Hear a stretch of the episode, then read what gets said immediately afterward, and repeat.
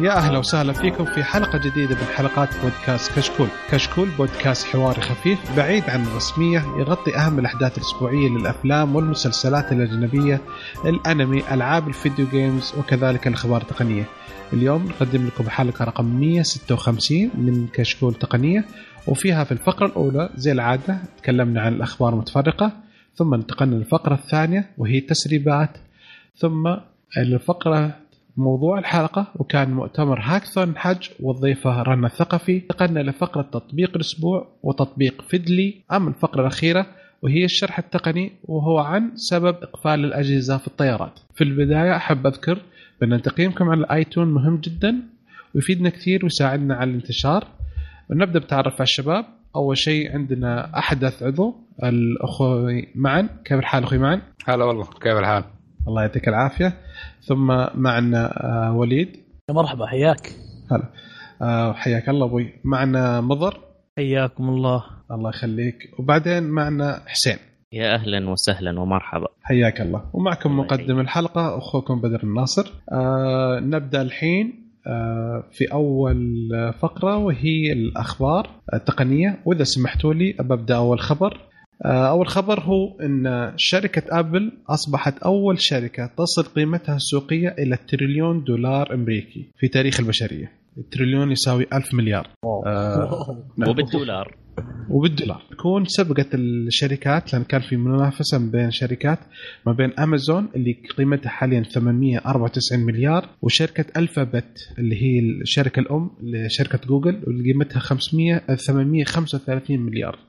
وهذا كله كان آه، بعد ما أعلنت آه، نتائجها المالية للربع الثالث واللي على عكس توقعات كل الناس آه، جاء أعلى أعلى النتائج للجزء الثالث أو الربع الثالث من في الشركة في تاريخ الشركة واو يعني مرة متف- متوقعين متفاجئين أصلا أنا عندي إيه. سؤال بس أيوه. الرقم تريليون. بي- بينطق برضه بالعربي تريليون يعني برضه إي نعم. كم صفر؟ 12 صفر. والله أصفار كثيرة لأنك تغلط وأنت تعدها. قول الاسم هي 1000 مليار. مليار. تسعة والألف ثلاثة في 12 بس في حاجة. دحين أتذكر في مسلسل اسمه آه Money Heist أو بيت المال أو دا- La Casa Papel أعتقد أو حاجة زي كذا. de Papel Casa de Papel. يوم قالوا المليار أو ال- المليار آه، إنه ما قالوا المليار معناها آه مية آه ألف مليون. لا معناها مليون المليون يعني تريليون. أنا حطيت لك هذا عشان بلغتهم. تعرف. أنا قلت لك وش ال... قلت لك مليار ألف مليار. حديت لك في الخبر. آه، ألف أو مليار. ألف مليار إيه. أنا ألف مليار. أعطيتك الموضوع. كذبني؟ أنا أقول لك يعني تكذبني يعني؟ حاس حاس ريحه في واحد بينطرد. لا يا أخي أنا ذاك اليوم قاعد أتفرج ما فهمت إيش الفرق بين ال- التريليون البليون ما جابوا سيرة الت- بليون. هم قاعد مرة يقولوا 2.4 بليون والله شوف فجاه يقول لك طلعوا ب 990 بليون. ماني فاهم إيش البليون حقهم ذا وبليون شوف هذا. أنت شوف. كنت مركز مع ال- ال characters ومندمج يعني يعني كنت أخذتك الحماسه وكنت شاب يعني عارف؟ برضه نظر يعني أنت هو الهدف إنك تعرف إنه الرقم كبير يعني. خلاص ما عليك كم شالوا هم في البنك خلاص رقم كبير. اذا سرقوا البنك خلاص رقم كبير. آه بس بس برضه في خبر طلع يعني متابع يعني مع الخبر هذا إنه أكثر جوال باع على مر التاريخ أكثر جوال أو أكثر جوال باع على مر التاريخ آه اللي هو ال- الآيفون 6 6 و6 Plus. مبيعات يعني صدق كنت احسب ايفون 7 لا أنا أنا أصلاً- أنا أنا كنت قاعد أقرأ وهم كان في ال top five مم. فانا كنت أصلا متوقع 100% إنه بيكون الايفون 6 لأنه الايفون 6 لحد الآن ترى يبيع لحد الآن. بس آه، أكثر ال- اللي على تويتر آه، طبعا ماخذينها من ب- بحس فكاهي اللي يقول لك آه، جايبين المبلغ هذا من الكيابل حقتهم. الموفرين ها؟ اي عاد عارف. بالنسبة للأرباح حقت أبل كانت آه، 53.3 مليار دولار الربح هذا وكانوا هم متوقعين إنه حيكون يعني تقريبا 49 والأرباح صارت 11.5 مليار دولار. okay. وهذا كله لأن باعت 41 مليون هاتف آه، آيفون. 41.8 مليون هاتف في الربع ذا ثلاث الاشهر الأخيرة ذي وهذا اللي خلى كم شاحن باعت معه؟ سلك باعت معه. آه كثير يا عمي. فهذا الخبر الحين يعني راح- معاه خمسة كابل كابل. كل واحد ينقطع. لازم تخلي عندك كذا backup okay. طيب مضر.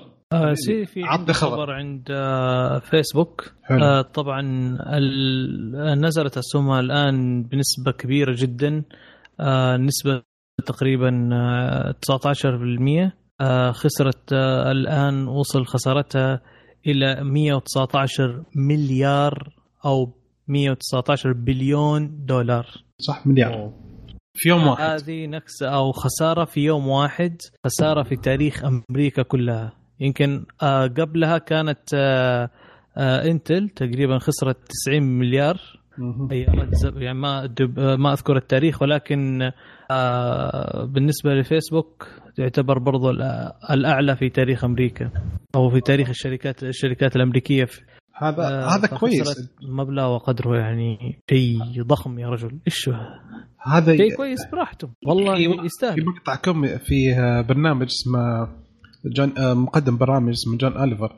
يقول آه، قيمة تجارة الجبن في العالم تسع 95 مليار دولار مليار دولار. يعني اللي خسرتها س- وش اسمه؟ فيسبوك أكثر من قيمة السوق ال- الج- الأجبان في العالم كله. يعني تخيل فجأة في يوم واحد يختفي الجبن في العالم.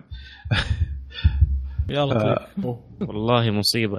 أنت. داري في دول دول اقتصادها قائم بحد ذاته على الجبن منتجات الألبان بشكل عام؟ أيوه فيعني هذا الدليل صراحة إن آه، الناس زعلانين على آه، على فيسبوك عن سالفة الخصوصية من الخصوصية لأنها نزلت بشكل غير طبيعي. فهذه ضربة قوية إن شاء الله يعقلون ويصيروا يعدلون وضعهم آه، أخوي معن الحين عضو جديد عاد خلاص وجرب الحلقة الماضية. عطنا خبر من عندك. عندك خبر عن انفيديا أكيد. تفضل. آه، أكيد الشباب اللي عندهم PCs لاقوا معاناة في السنة لينا سنة. بنعاني من ناحية غلاء أسعار ال GPUs عامة خاصه آه، كروت الشاشة حقت نفيديا بس في خبر كويس دحين إنه احتمال كبير إنه في يوم 20 من الشهر ده هتكون في announcement من نفيديا على الكروت الشاشة الجديدة. خاصه إنه إذا حتى شفتوا السوق الأمريكي خاصة من ناحية الأسعار بدأت تن- تنزل بشكل كبير. فاخيرا بعد ما كان سعر ال GTX 1080 Ti تقريبا 1200 دولار. حاليا نزلت لأسعار طبيعية 500 دولار. ففرصة للي كان مسكين. مو قادر يشتري كرت إنه رجعت الأسعار شبه طبيعية. أو إنك تستنى كمان شوية لغاية ما تنزل الكروت الجديده فأكيد هتنزل كمان discounts أكثر على الكروت. بس إذا حاب إنك تصيد واحد من دحين قبل ما يغلقوا ففرصتكم. حلو. الله يعطيك العافية حبيبي. الله يعافيك. آه حسين؟ في رسالة بس كذا أبو فراس فرصتك. الحق لك على كرت آه، كويس؟ أي. الخبر اللي عندي. هواوي آه، قال لك آه، هواوي. اي هواوي. هواوي. اي اي لا لا. هواوي قاعدة تفرد عضلاتها بشكل ضخم. نطاق واسع جدا. السنة هذه شحنت هواوي آه، 54 مليون هاتف ذكي. في الربع الثاني من عام 2018 اللي هو من فترة آه، إبريل إلى يونيو. نسبة الارتفاع عن مقارنة بالعام الماضي 41% واو. شوف كيف؟ شيء شيء. مقارنة بأبل اللي شحنت 41 مليون هاتف فاصلة ثلاثة. بنسبة ارتفاع فقط 1% مقارنة بالعام اللي راح بس المركز الأول هذا مسيطر عليه سامسونج مهم. 73 مليون هاتف صح إنها أقل بنسبة 10% من العام اللي راح بس لا زالت مسيطرة. آه، طبعا يعني يعني سبب مر- ال... آه. المركز الأول سامسونج ثم هواوي ثم أبل سامسونج في المركز الأول مع أنها ناقصة 10% عن السنة اللي راحت لكن لا زالت في المركز الأول آه هذا عشان. ال S 9 التعبان ما ما مو مو تعبان ال S 9 ما في فرق بينه وبين. S 8 ترى في. واحد من الاخوان زعل علي يوم قلت إنه ما في فرق بين ال S 9 وال S 8 واحد وضح لي انه بس للأسف أنا كنت حاط تغريدة بس ما أدري وين راحت آه الله يعطيه العافية عموما الله يجزاه خير قال من المواصفات اللي أنا ما ذكرناها إن ال S 9 فيه stereo speaker آه فيه آه. سماعة الإذن تشتغل ك speaker إذا حطيتها على speaker فيصير ستوديو يعني في صوت من السماعة اللي تحت الجهاز وفي صوت من السم من أيوه أتوقع. برضه تقنية دولبي آه، آه،؟ دولبي أتموس؟ دولبي؟ أتموس؟ أي دولبي أتموس أتوقع. أي أتوقع. فهذه ما- قال لي قال في اختلاف يعني عشان كذا. ولكن بس برضه ما هي الاختلاف. كمستخدم أنا أقول ما في فرق كبير. يعني أي. ما ما لا معلش هو بالنسبة لل geek بالنسبة لل pro user آه اختلاف آه كبير. بالنسبة لل pro user اختلاف كبير. لكن بالنسبة لل normal user آه الموضوع عادي. بس يستاهل ندفع 1000 ريال زيادة على الجهاز S 8 على حسب آه، انت على حسب بالضبط. انت لا لا مو في ناس يشوفوا لا. بدر لا أول ما نزل يعني أول ما نزل كان فرق 1000 ريال الحين فرق لا، نزل أكيد ال- الحين لا لا مو نزل الحين عاد برضه فرق أكبر لا؟ لأن ال S 8 وصل س- ال S شوف ال S 8 ب- ال S 8 Plus وصل سعره 1700 ريال 1700 أوف. 1800 ريال يا حلو. واللي يبغى موجود آه، بعض المواقع الإلكترونية العربية حلو. نقول اسمه تمام آه آه وبرضه ال- آه، بالنسبة لل S 9 3300 3200 3400 2900 فهذا مو ال Plus كمان يعني. تقريبا يعني double. والله. double double يعني لا مو مو ضعف تقريبا. آه أقل بس يعني. إيه يعني أكثر أكثر من أكثر من 1000 ريال 1300 1400 1500 ريال. كله عشان سماعه ستوريو. أنا بالنسبة لي ما أشوف في فرق. أنا أتفق معك يا بدر. الله يعطيك العافية. أصلاً. طيب معلش نرجع حسين. آه سبب القفزة آه، حقت هواوي. سبب القفزة الهواوي هذه إنه مبيعات أونر ارتفعت بنسبة 55% مقارنة بالعام الماضي كانت 33% فقط. اللي من من شحنات هواوي هواتف أونر شايلة 55 لأن يعني أونر تابع الهواوي أي أونر تابع الهواوي أو. تقدر تقول فئة تحت هواوي. أها. فارتفعت مبيعاتهم أو حصتهم من شحنة هواوي أجهزة هواوي بشكل عام 55% منها تندرج تحت brand أونر مم. صراحة يعني في بعض. الأجهزة لما تيجي تطلع من هواوي تلقى في فئة قوية بعدين تنزل جهاز قريب منه في أونر وفرق سعر كبير صح عشان كذا يمكن بالضبط. هذا اللي خلى كم كم النسبة يا حسين؟ نسبة هواتف آه، اونر من آه، إجمالي آه، الأجهزة اللي شاحنتها هواوي 55% واو. أكثر من هذا نص. السنة. الس... أكثر من النص بخمسة. السنة اللي راحت كانت ثم... 33 يعني من الثلث إلى النص أكثر من النص. والله قوي. لا بس أتوقع شوف في الربع الأخير في الربع ال- هذا الربع الرابع الثالث. الحين إحنا في الربع ال- إحنا نعتبر الحين في الربع الثالث ولا؟ حنبدأ في ثالث إيه بالسنة. آه، أتوقع لا بترتفع نسبة اللي هي مو الأونر الأجهزة الثانية اللي تحت آه، مسمى هواوي زي نوفا لأنه أعلنوا عن نوفا أو اللي يسمى آه، P 20 Lite صار. موجود فأتوقع وبرضه الجهاز عليه إقبال يعني. طيب أعلنوا P 20 Lite وأعلنوا عن Honor آه، 10 فحيجيك يعني. ما في مشكلة. لا. حنزل جهازين واحد هواوي واحد Honor. عادي جدا. اتعس. وكلها ناجحة. كلها ماشي. طيب وليد عطنا الخبر عندك حبيبي. آه، تمام. عن- BlackBerry BlackBerry شوف في ناس كثيرين يقول ليش تجيب أخبار BlackBerry بس ما زلنا. آه خلاص عاد البك... هذا الخبر هذا شوية كذا مختص في السوق الهندي آه BlackBerry. أعلنت عن إي والله. BlackBerry أعلنت عن آه، جوالين Evolve Evolve و Evolve X آه تقريبا الجوالين نفس المواصفات حنذكرها بس اختلاف ممكن في المعالج. وبرضو آه، أشياء في التصميم ممكن بس التصميم أشياء جدا بسيطة في التصميم. واختلاف آه، برضو في آه، شو اسمه في الكاميرا. آه نذكر المواصفات بالنسبة أول لل Evolve العادي. أول شيء نذكر المواصفات المشتركة. الجوالين بيجوا كلهم ب Android Oreo 8.1 آه بطارية 4000 ملي امبير مع شحن سريع وشحن wireless وشاشة 5.99 بوصة ودقة Full HD Plus ال Evolve بيجي بمعالج Snapdragon 450 مع RAM 4 جيجا وممكن في آه يعني أكثر ممكن لو تأخذ يعني آه، خيار آخر 6 جيجا RAM مع مساحة أكبر. آه مع كاميرتين خلفية مزدوجة 13 ميجا بكسل لكل واحدة فيهم و آه 13 ميجا بكسل كل واحدة فيهم مع كاميرا أمامية بدقة 16 ميجا بكسل تمام؟ أما بالنسبة لل Evolve X معالج Snapdragon 660 آه، ذاكرة RAM 6 جيجا آه، كاميرا آه، كاميرا خلفية 13 ميجا بكسل والثانية 12 ميجا بكسل آه، بفتحة غلق أقل ومستشعر ضوء بي دي اي اف بي دي اي اف آه، وممكن تسجل الفيديو 4K وبيجي برضو معاها كاميرا أمامية 16 ميجا بكسل آه، الأسعار آه، طبعا الجهاز آه، آه، طرح في السوق الهندي وما في إخبار إنه ممكن يطرح في الأسواق العالمية. آه، نزل في السوق الهندي بسعر 365 دولار لل Evolve و510 دولار لنسخة ال... ال X. آه، طبعا الهاتف يعتبر من الهواتف اللي هي متوسطة الأداء. الأسعار نوعا ما كذا يعني شوية لك عليها. لا، عشان يبغون يلحقون السوق يعني. لو يرفع أكثر من كذا ما أعتقد انه لا لا لا أتوقع. إنه أغلى. آه، بالعكس أنا أشوف إنه أغلى. ترى ما أشوف إنه رخيص. 300 دولار. آه، 510 ال X ترى ما أدري أحسها كثيرة يعني. المعالج يعني لو يزيد 40 دولار ياخذ له OnePlus 6 أيوه هذا هو. ال full option ذاك عاد. وب- وما هو BlackBerry شوف هذه. وبرضه الفكرة يعني آه، أتوقع إنه من زمان ما شفنا جوال BlackBerry بدون keyboard. ما في له keyboard آه، ال keyboard touch. ال- اللي مو ت- اللي كله touch إي كامل بدون keyboard آه، محسوس يعني. يعني يبغى نلحقون على السوق على قولهم. طيب وليد؟ آه وليد sorry آه مضر؟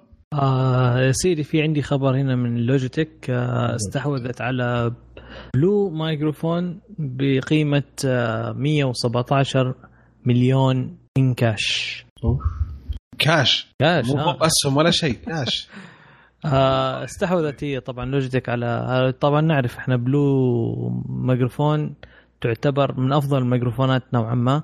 في في يعني تعتبر ميكروفونات تقريبا ما هي غالية ولا هي يعني مش ال high end ولكن يعتبر آه، ممتاز في تسجيل آه، ال- المقاطع الموسيقية والأصوات البودكاست.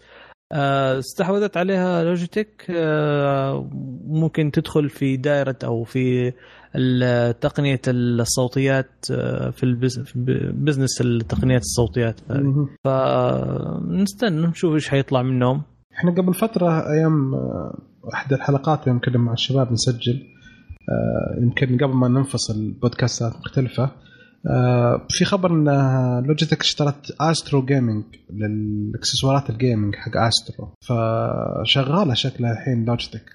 تكبر نفسها بشكل كبير هذا أنا فكر أشتري مايكروفون Blue. في واحد نصحني وواحد قال لي لا تشتري. احترت. ما أعرف الاثنين اللي عندهم الجهاز هذا. واحد نصحني والثاني قال لا. فالحين 50 50 لو طلعت اليوتيوب في ناس آه، يعملوا ريفيوات على كل واحد من الميكروفونات وهذا شيء ساعدني لما نقيت الميكروفون اللي عندي. إنه يسجلوا بنفس الميكروفون اللي بيعملوا له review فيمديك. تسمع الفرق. امم حلو الفكرة. الله يعطيك العافية. طب عطنا خبر ما دام تكلمت عقابا لك عطنا خبر من عندك. يعني لا حد يهرج. طبعا آه، في أخبار حلوة برضو كمان ل آه، لمحبي شركة AMD للمعالجات. أيوه. آه اليوم آه نزل Threadripper 2 تقريبا هي المعالجات اللي مور آه اللي هي professional أكثر آه وال flagship حيكون اللي هو ال 32 core اللهم السعر يعني آه طيب آه يعني بالنسبة ل Intel يعتبر رخيص نسبيا بس 1800 دولار حلو. بس يعني بس. لا بس يعني يعني المنافس له أقرب واحد من Intel تقريبا ب 2000 دولار فيعني في بتوفر 200 دولار يعني طيبة والله ممتاز تحطها في الشحن. مظبوط بس آه، البروسيسورات لسه يعني ما نزل لها ريفيوات حتنزل إن شاء الله على الأسبوع الجاي بس بدأ ال pre-order اللي حاب آه، إنه يشتري واحد تفضل. بس آه، شكلها جدا مشجع خاصة إنهم نزلوا ال 12 ملم نانوميتر في ال design. إيه. وحتكون طيبة. تقريبا أحسن بالنسبة لي أنا شخصيا إذا شفت واحد منهم يكون بالنسبة لي. ال 12 core اللي هو 12 core آه، طيب. 600 دولار آه، خاصة معروف إن حكاية ال 64 lanes PCI Express في في ال motherboard ات حقت ال AMD تقريبا فرق شاسع بينه وبين Intel فاللي حاب يكون عنده كروت آه، كرت شاشة ثاني كروت صوت أي expansion سرعة ال ال- ال- الذاكرة حتكون مختلفة تماما عن motherboard ات Intel ففرصة اللي بيكون عنده جهاز قوي جدا لل gaming أو لل productivity الأشياء العملية حتكون أحسن. خاصة لو فتحت Excel حتلاقيه يفتح مرة بسرعة. وآخر طيب. شيء بالنسبة لل AMD برضو في آه، أحد الشباب في اليوتيوب Wendell من Level 1 Tech قدر إنه يشغل حاجة كانت ما هي موجودة في أي motherboard AMD واللي هي ال Thunderbolt ال Thunderbolt كان شيء خاص فقط في motherboard ات Intel ودائما تشوفوه في ال Apple products في ال MacBooks MacBook Pros دائما Thunderbolt بس AMD كانت مفتقدة ده الشيء آه، فقام بأنه شال ال instructions ال low level في ال firmware من motherboard Intel وحطها في motherboard AMD واشتغلت تمام 100% خاصة آه، كان motherboard Threadripper برضو فقدر ياخذ readings حقت السرعه من آه، من M في M SSD connected ب Thunderbolt فوصلت سرعات عالية جدا. اخذ تمام السرعات الم- المعروفة في ال Thunder ولا ممكن في جاب شوية لا لأنه 64 lanes ال PCI Express 3 أكثر من ال Intel لأنه 64 آه. آه. وال Intel أظن أكثر في ال في ال X 90 X 299 is just 40 or similar وعادة ال PC Express في المعالجات آه، في ال motherboard حقت Intel لازم ال lanes حقت ال CPU تعدي بال بال north bridge اللي هو ال- نفس ال processor الثاني اللي موجود في ال motherboard بعكس AMD إنه ال 64 lanes direct على ال CPU. فما في أي bottleneck في الموضوع. فتجيك السرعة على طول. ف latency أقل آه bandwidth أعلى. فهنشوف آه ال testing حقها حيكون آه شوي قدام. وإن شاء الله بس ينزل لنا motherboard direct على طول. في Thunderbolt بدل ما نشتري motherboard Intel وناخذ القراية منه ونحطها في ال AMD كانت شوية شغلة معقدة وفيها إلكترونيات كثير الله يعطيك العافية حبيبي الله يعافيك. حسين؟ يا حسين؟ اي في. عندنا خبر. خبر آه، كان في إحنا بدينا بان Apple جابت مبلغ ضخم والآن خبر آخر تابع. تابع كذا من لفة. له له لفة في Apple عارف؟ له علاقة في Apple. نحب Apple إحنا. ما نبغى عمي. الحين يقولون لنا أنتم مع Apple 24 ساعة. نبغى نجيب مواضيع مختلفة. لا ترجعنا ل Apple أيوه كمل. المهم آه، في فيروس آه، ضرب شركة TSMC اللي تصنع الرقاقات لهواتف الآيفون. أوكي. آه الفيروس هذا ضرب عدد من المصانع حق الشركة. وقف خطوط الإنتاج. والشركة متكتمة ما ما أعلنت عن الموضوع ولا أعلنت حتى الآن بإيش الخسائر أو أي شيء.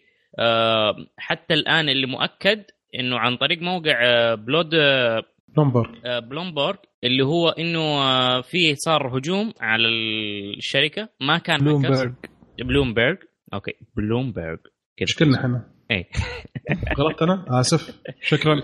شكرا تصحيح أيوه كمل.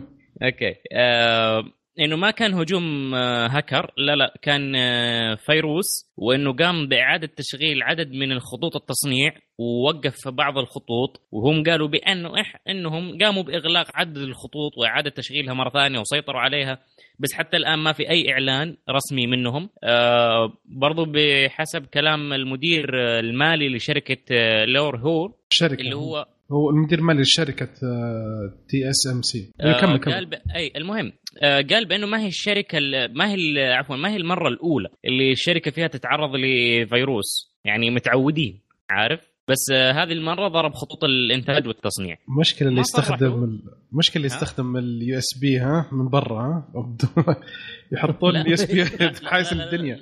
أول مرة يقول. مو بأول مرة نتخذ فيروس. عادي متعودين الشباب. متعودين. وبعدين مو مو مصنع واحد. مصانعهم كلها. هذا مصيبة هذا. أي عاد هل تصنيع الآيفون راح يتأثر؟ هل في شيء؟ آه، هل راح تطلع معانا بوابات مستقبلا في اجهزه الآيفون؟ عاد ما أدري. لا شوف لا تشتري آيفون. لا هذه شوف على فكرة هذه لها ما لها علاقة مثلا ب TSMC ما تصنع مثلا آه، الشيبس أو أو مش يسموه المعالج أو هذا أعتقد الأشباه الموصلات اللي هي نفس ال- آه، ال logic board أعتقد أو حاجة. زي كذا صح؟ ممكن. ما أدري ما آه، عندي ال logic board عادة ما يخزن فيه شيء. طيب كويس بعدين تيجي الشيء الثاني الشركات الثانية يجمعوا ال components يلحموها في نفس ال logic board يحطوا ال- ال- الشيبس اللي هي الصوت اللي هي ال- ال sensors ال gyros ومدخل ال SI ام على فكرة لا موضوع ممكن ال- أيوه يتسبب يتسبب في مشكلة في تصنيع فبالتالي ممكن تطلع عندك مشكلة حرارة أو شيء. فلا تشتري ايفون يا ساتر. لا خل خل شكرا شكرا أخ حسين. على المشاركة وإن شاء الله ح... شكلك حتوحشنا يا حسين وبعيد عن حكاية إنه آيفون ولا مو آيفون بعض الفيروسات يمديها تكتب نفسها في الأجزاء ال ROM اللي هي اللي عادة إنها ما يقدر تنكتب فيها خاصة بأنه زي ما يكون في firmware update أو أشياء معينة للمعالج نفسه فيمديك تحشر الفيروس هناك directly فيصير ال motherboard تالف. بن يعني إذا الفيروس سيطر على ديك المنطقة خلاص. يعني طب الحين- رسمي.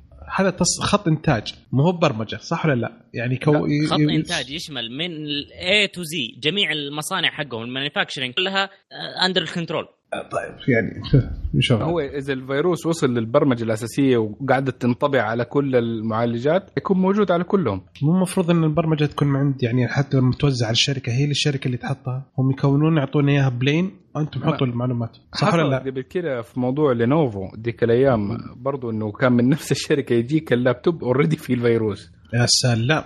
اي شايف؟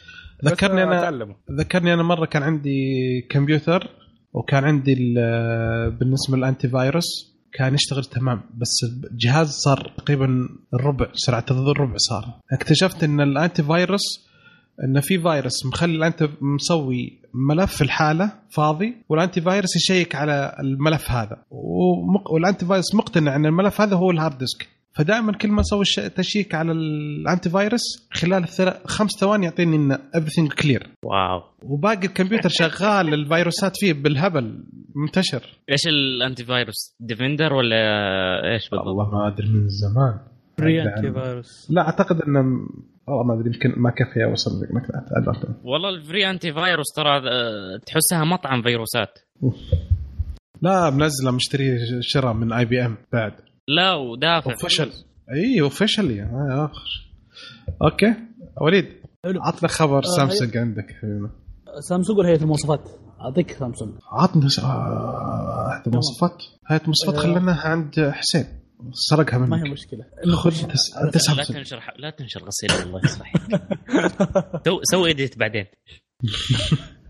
تمام. آه، سامسونج أعلنت عن التابلت الجديد حقها اللي هو ال Galaxy Tab S 4 بالسنة حقت 2018 آه، هذه المرة غيروا في الجهاز بشكل كذا جميل. آه، بنذكر وش المواصفات وبعدين نذكر المزايا. أول شيء بيجي بشاشة Super AMOLED قياسها 10 فاصلة خمسة عشرة ونص.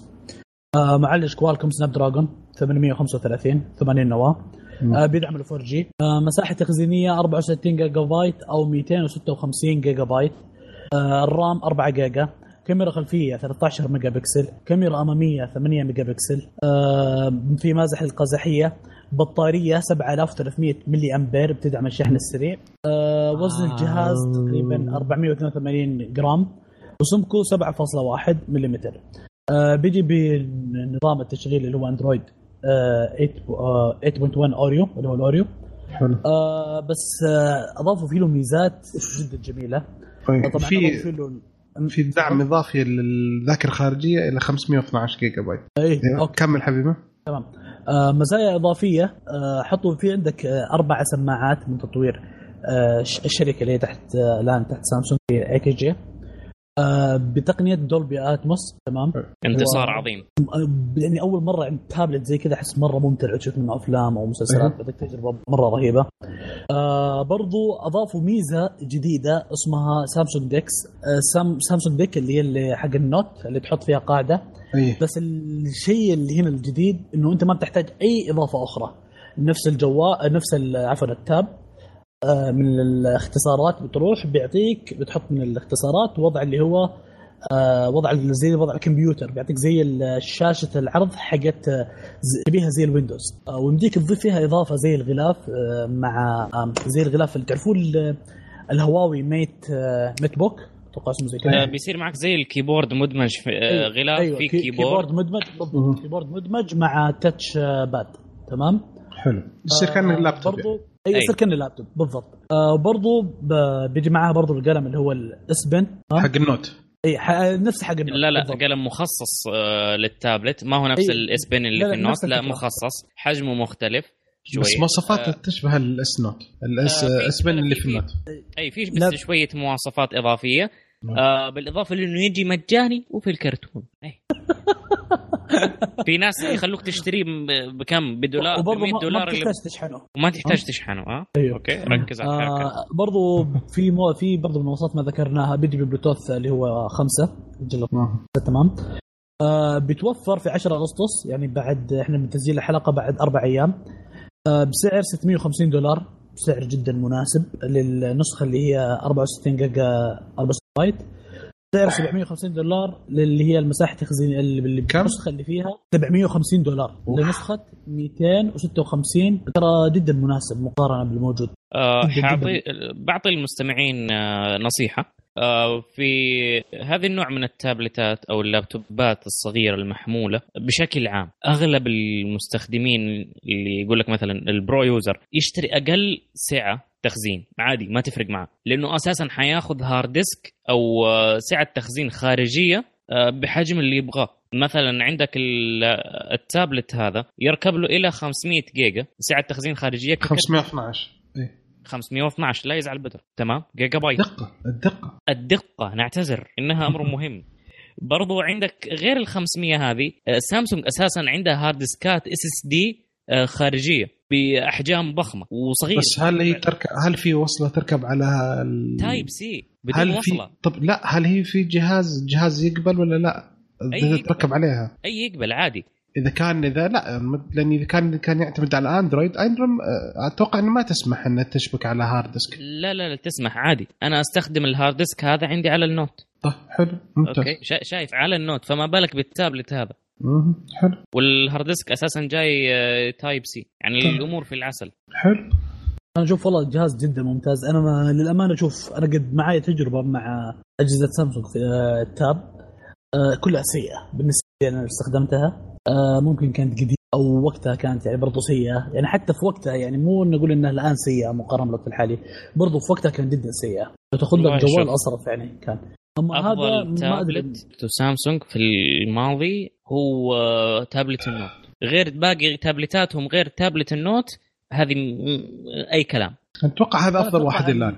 إيه، أنا أتوقع هذا أفضل واحد أي صح. هذا الجديد هذا أفضل واحد حتى الآن. حلو. وأتوقع برضو يعني ترى فيه ميزات برضو ممكن ما إحنا برضو أنا ما ذكرتها مثلا في له التصوير آه، بيسجل بدقه 4K حلو. لا مرة يعني جهاز واضح إنه جبار. شكله ما يأسوا من التابلت. لسه. كويس. لا لا ما يأسوا واضح إنه ما نبغى- أتوقع إنه ناويين ينعشونه لأنه ال Tab بالنسبة لهم التابلت ترى كان ميت. جدا مرة. ميت. آه، كل الأندرويد كل الاجهزه تنتج آه، لا لا شوف ال- في أندرويد ما نجحت إلا عن هو- أي جهاز. الهواوي الهواوي في tab عندهم M 5 آه. Pro M 5 10 Pro إي تقريباً. هذا ممتاز كان ممتاز. هذا ممتاز إي هذا جدا ممتاز حلو آه هذا هو الله يعطيكم العافية طيب آه، ممكن أقول خبر صغير أنا كذا جاء اليوم يعني تسمحون لي آه، أعلنت جوجل إن آه، اندرويد آه، 9.0 اللي كان معلن إنه حرف P رسميا حيصير اسمه اندرويد Pie أو آه. الفطيره فمعليش يا حسين أنت كنت تبغى peanut butter بس عيو لا لا ف- أول ما سمعت أندرويد شفت أندرويد P قلت peanut butter عارف.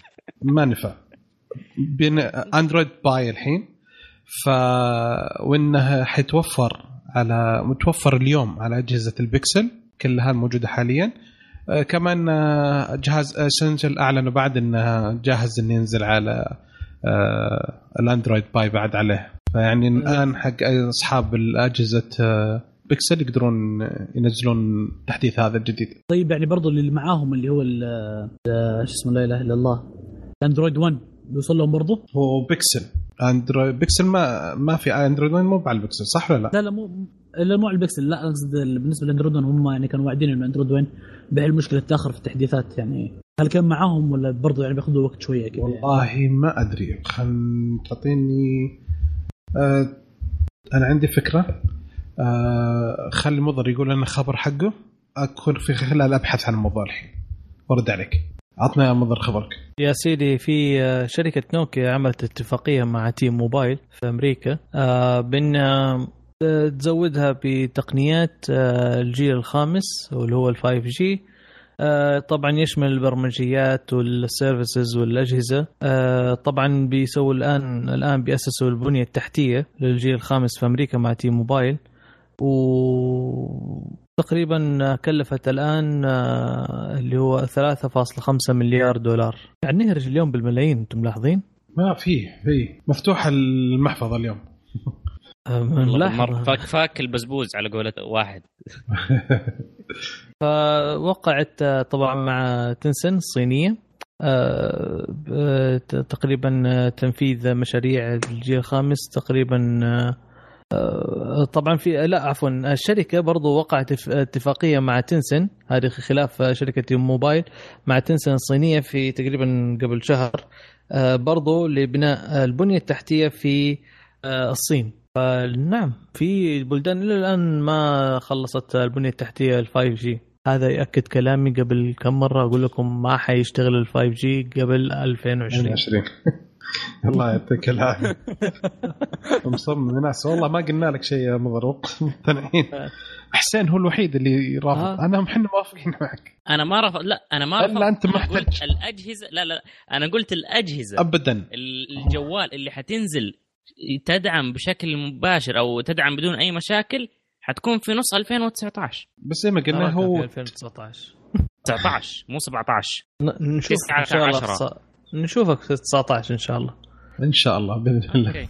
آه.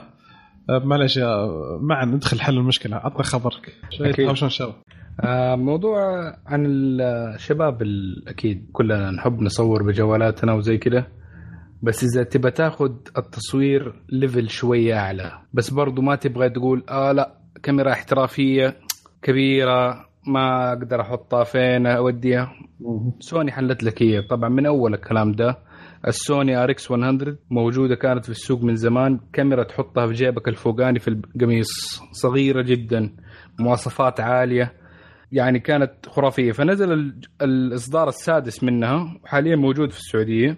آه الميزه الفكرة الجديدة في الكاميرا الجديدة إنه مع الحجم الصغير يمديك تكون آه، اللي هو ال- حجم العدسه يقدر يوصل لل range ل آه، 200 ملم فيعني تقريبا صار فيها zoom عالي. أول كانت كلها تقريبا أقصى شيء 70 ملم حاليا صارت 200 ملم الكاميرا طبعا ال- العدسة نفسها حتكون زايس آه، تدعم ال 4K تتصل آه، تقدر تكون موصوله بجوالك بالبلوتوث فيعني إذا كان كنت من حقون اللي يصوروا في الإنستغرام وزي كذا تصور أكلك وزي كذا خلي الكاميرا معاك. هذه حتكون أحسن من أي كاميرا أنا أقول لك حتجيك في الجوالات خلال الأربع سنين الجاية. فأنت ضامن نفسك كذا صور من أفضل الكاميرات ال compact طبعا. بالضبط. م- مظبوط. أنا compact. حتى من الجوالات يعني إذا أنت من النوع اللي يصور بجوال آه. بس تبغى كمان شوية أحسن بدل ما تغير الجوال لا. خذ الكاميرا دي. على طول link مع الجوال وأول ما تاخذ الصورة على طول ترسل على الجوال. وسوي نفسك إنه إيش؟ هذا تصوير جوالي. Note 3 سلام. طلع من شفا المدري ما- ما السؤال، نحتاج، آه، ال 200 أنت تقول كانت 70 ملي ال 200 ملي. آه، ال zoom حقه الكم x هل ذكروا في الميزات هذه ولا؟ أو يعني ال zoom حقه ال optical zoom آه، مثلا كم 100 و 100 آه، 100 x أو شيء زي كذا ولا ما كتب صراحة ما أعرف بال x كم بالضبط بس هي بال focal length تقريبا هي اللي هي 200 ملم تقريبا اظنها تيجي 5 x أو 30 x أظن شيء زي كده. Okay. Range طيب يعني zoom ممتاز. ما حتلاقي أي- لأنه هذا ال zoom حيكون من خلال العدسة. ما هو مثلا من الجوالات إنه يكون العدسة لفتره بسيطة بعدين حتلاقي إنه كله digital zoom فهذا zoom حقيقي بالعربي. لأنه في نيكون تكلمنا عنه قبل برضو أعتقد في آه، 154 تكلمنا على نيكون. كان يصور تقريبا 128 x أو التكبير حقه ال optical zoom بس طبعا هذه العدسة أقول شوية كبيرة. يعني ما هو ما هو ما هو صغير زي اللي بالسوني آه أكيد. إي فكان ال zoom حقه تقريبا 128 أو 120 آه، x أو ال optical zoom حقه. طبعا إذا كان ال zoom آه، هو الشيء المهم بالنسبة لك إذا حابب تصور عصافير ولا أشياء من بعيد خاصة إذا كنت طالع سياحة وزي كذا لا ممكن النيكون حتكون أفضل من دي الناحيه بس إذا كانت ال portability مرة مهمة بالنسبة لك والتكنولوجيا حقت سوني في الكاميرات وجودة ال sensor نفسه آه طبعا السوني برضو خيار ممتاز جدا. لأنه عادة آه. ما ما بنستعمل أكثر من 200 يعني ال- ال- ال- الزومات المرة مرة عالية تنفعك مثلا في تصوير زي ما قلت الطيور الملاعب اللعيبة أشياء زي كذا. آه، أتذكر في ال RX 100 آه، أعتقد آه، الإصدار ال- الرابع أو الخامس أعتقد الرابع. كان اللي أول ما نزل عليها ال 4K مظبوط. 4K مظبوط آه، كان مشكلتها في الحرارة العالية جدا ال- الرابع ولا كان الخامس هذا الكلام؟ مظبوط. أظن الرابع بدأ أو أو الخ... إيه. الخامس كان أظن مدة أطول شوية بس م. آه بس برضو خمسة دقائق آه شوية قصيره لغاية دحين بالنسبة للناس لأنه تقريبا عشان حجمها صغير فيصير لها overheat فتحتاج تبرد شوية بعدين ترجع تصور بس ما ما ما في أي فرق في ال design على الشاصيه فاحتمال حتكون نفس الموجود آه المشكلة نفس المشكلة آه، okay مم. مم. آه شوف حختصر الموضوع للمستمعين باختصار إذا تبغى كاميرا mirrorless سوني هي أفضل خيار باعتبار السعر آه، خليه برا الحسبة شوية سوني تعتبر أفضل شيء في ال mirrorless عندك فئات كثير مرة معلش إيش آه، الميرور ليس؟ اللي هي ما آه. فيها ال DSLR إنه في قزازة تتحرك عشان تدي لك آه، آه. رؤية في ال- آه، الجزء اللي تشوف انعكاس التسجيل في الألوان عرفت؟ آه لا لا لا خلاص. اللي هو في عندك DSLR تمام؟ وفي عندك ال mirrorless ال ال ال الكاميرات الاحترافية تمام؟ أو ال ال اللي تطلع فوق على أساس تخش في عالم التصوير بشكل أوسع. ال DSLR حاول- ال classic ال classic عادة لما تصور فيه وتسمع صوت تشك تشك هذه عادة يكون أي. في آه ال shutter زائد آه في مراية تكون موجودة. المراية إيش فائدتها؟ لما تكون بتطالع أنت من الجزء اللي تطالع منه في الكاميرا حتكون آه رؤية مباشرة باللي بتشوفه من آه، العدسة نفسها. فلما أي حيكون جاي عن طريق المراية. بالضبط. فالمراية لما تن... أول ما تصور تنزل وينفك ال shutter. فديك الساعة ال sensor يقدر ياخذ الضوء. ال mirrorless cameras اللي هي زي ال- السوني دي آه وبرضو أغلب س- كاميرات سوني الجديدة حتى ال full frame منها جاية mirrorless فما فيها لا مراية وال shutter مرات يكون يا إلكتروني يا يكون في shutter طبيعي موجود برضو. بس إنه الف- الفكرة إنه ما في الحركة دي الحركة الميكانيكية حقت المراية ما تكون موجودة. فما تحدك في أشياء معينة زي الصور اللي ورا اللي ورا بعضها متتالية السريعه فتكون عندك اللي هي 30 frame per second burst يمديك تاخذها في الكاميرات دي. ما مو ضروري يكون complicated وكبيرة وحجمها لأنه المراية تاخذ جزء كبير وال mechanism حقها في من حجم الكاميرا. فتخلصوا. منها و direct حلو. الله يعطيكم العافية. أه قبل ما نروح للخبر الثاني جلست أبحث عن موضوع ال Android P و Android 1 Android 1 بروتوكول لل operating system الأجهزة ال- أعتقد ال entry level فعموما حيكون حتى لما توفر يعني آه، تطبيق يتوفر للأجهزة حيكون على حسب الشركة. okay؟ okay. okay. آه هذا. حسين تعطيني اللي عندك حبيبي؟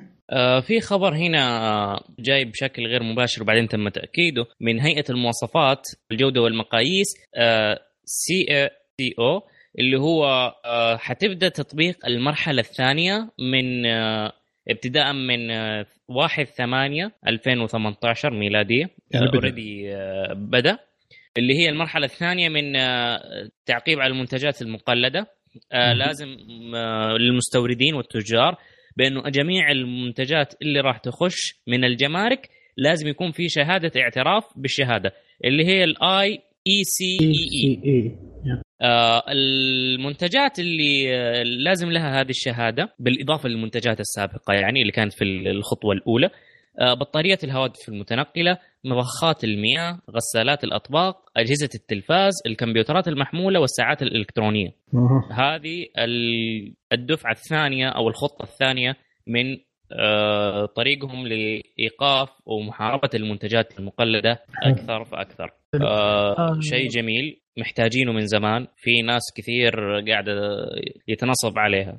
أقول لك آه، قريت قبل يوم أو قبل يومين آه، tweet كتبها ادهم الغامدي من Tech Voice آه، يقول إنه واحد كان يبيع سماعات زي ال AirPod مقلدة تمام في المرسلات. آه، يبيعها بنص السعر. يعني هي 250 أو كذا يقول لك هذه نفسها ال AirPod بس هذه فئة جديدة من Apple يعني ما يعني ما هي ما يقول لك تقليد يقول لك لا هذه فئة جديدة.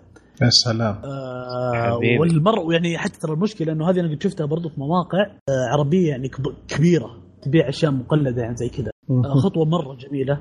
آه ترى المورد حتى إنه على بال ما عشان تحصل على الشهادة هذه شهادة الاعتراف آه هذه تأخذها من هيئة المواصفات.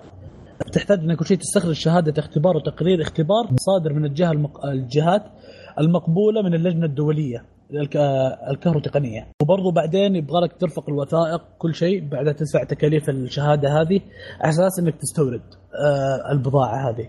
فإذا كانت بضاعه مقلدة فالاختبارات أكيد راح تكشفها آه، وال آه، أو شهادة الاختبار والتقرير حتكشف الوضع فأتوقع بتقضي على المقلد بشكل كبير. نرجو هذا يعني لأنه حتى في كلام طلع قبل فترة إنه أحد الوكلاء الرسميين لأحد الماركات تورد بضاعة مقلدة ويبيع على إنها أصلية.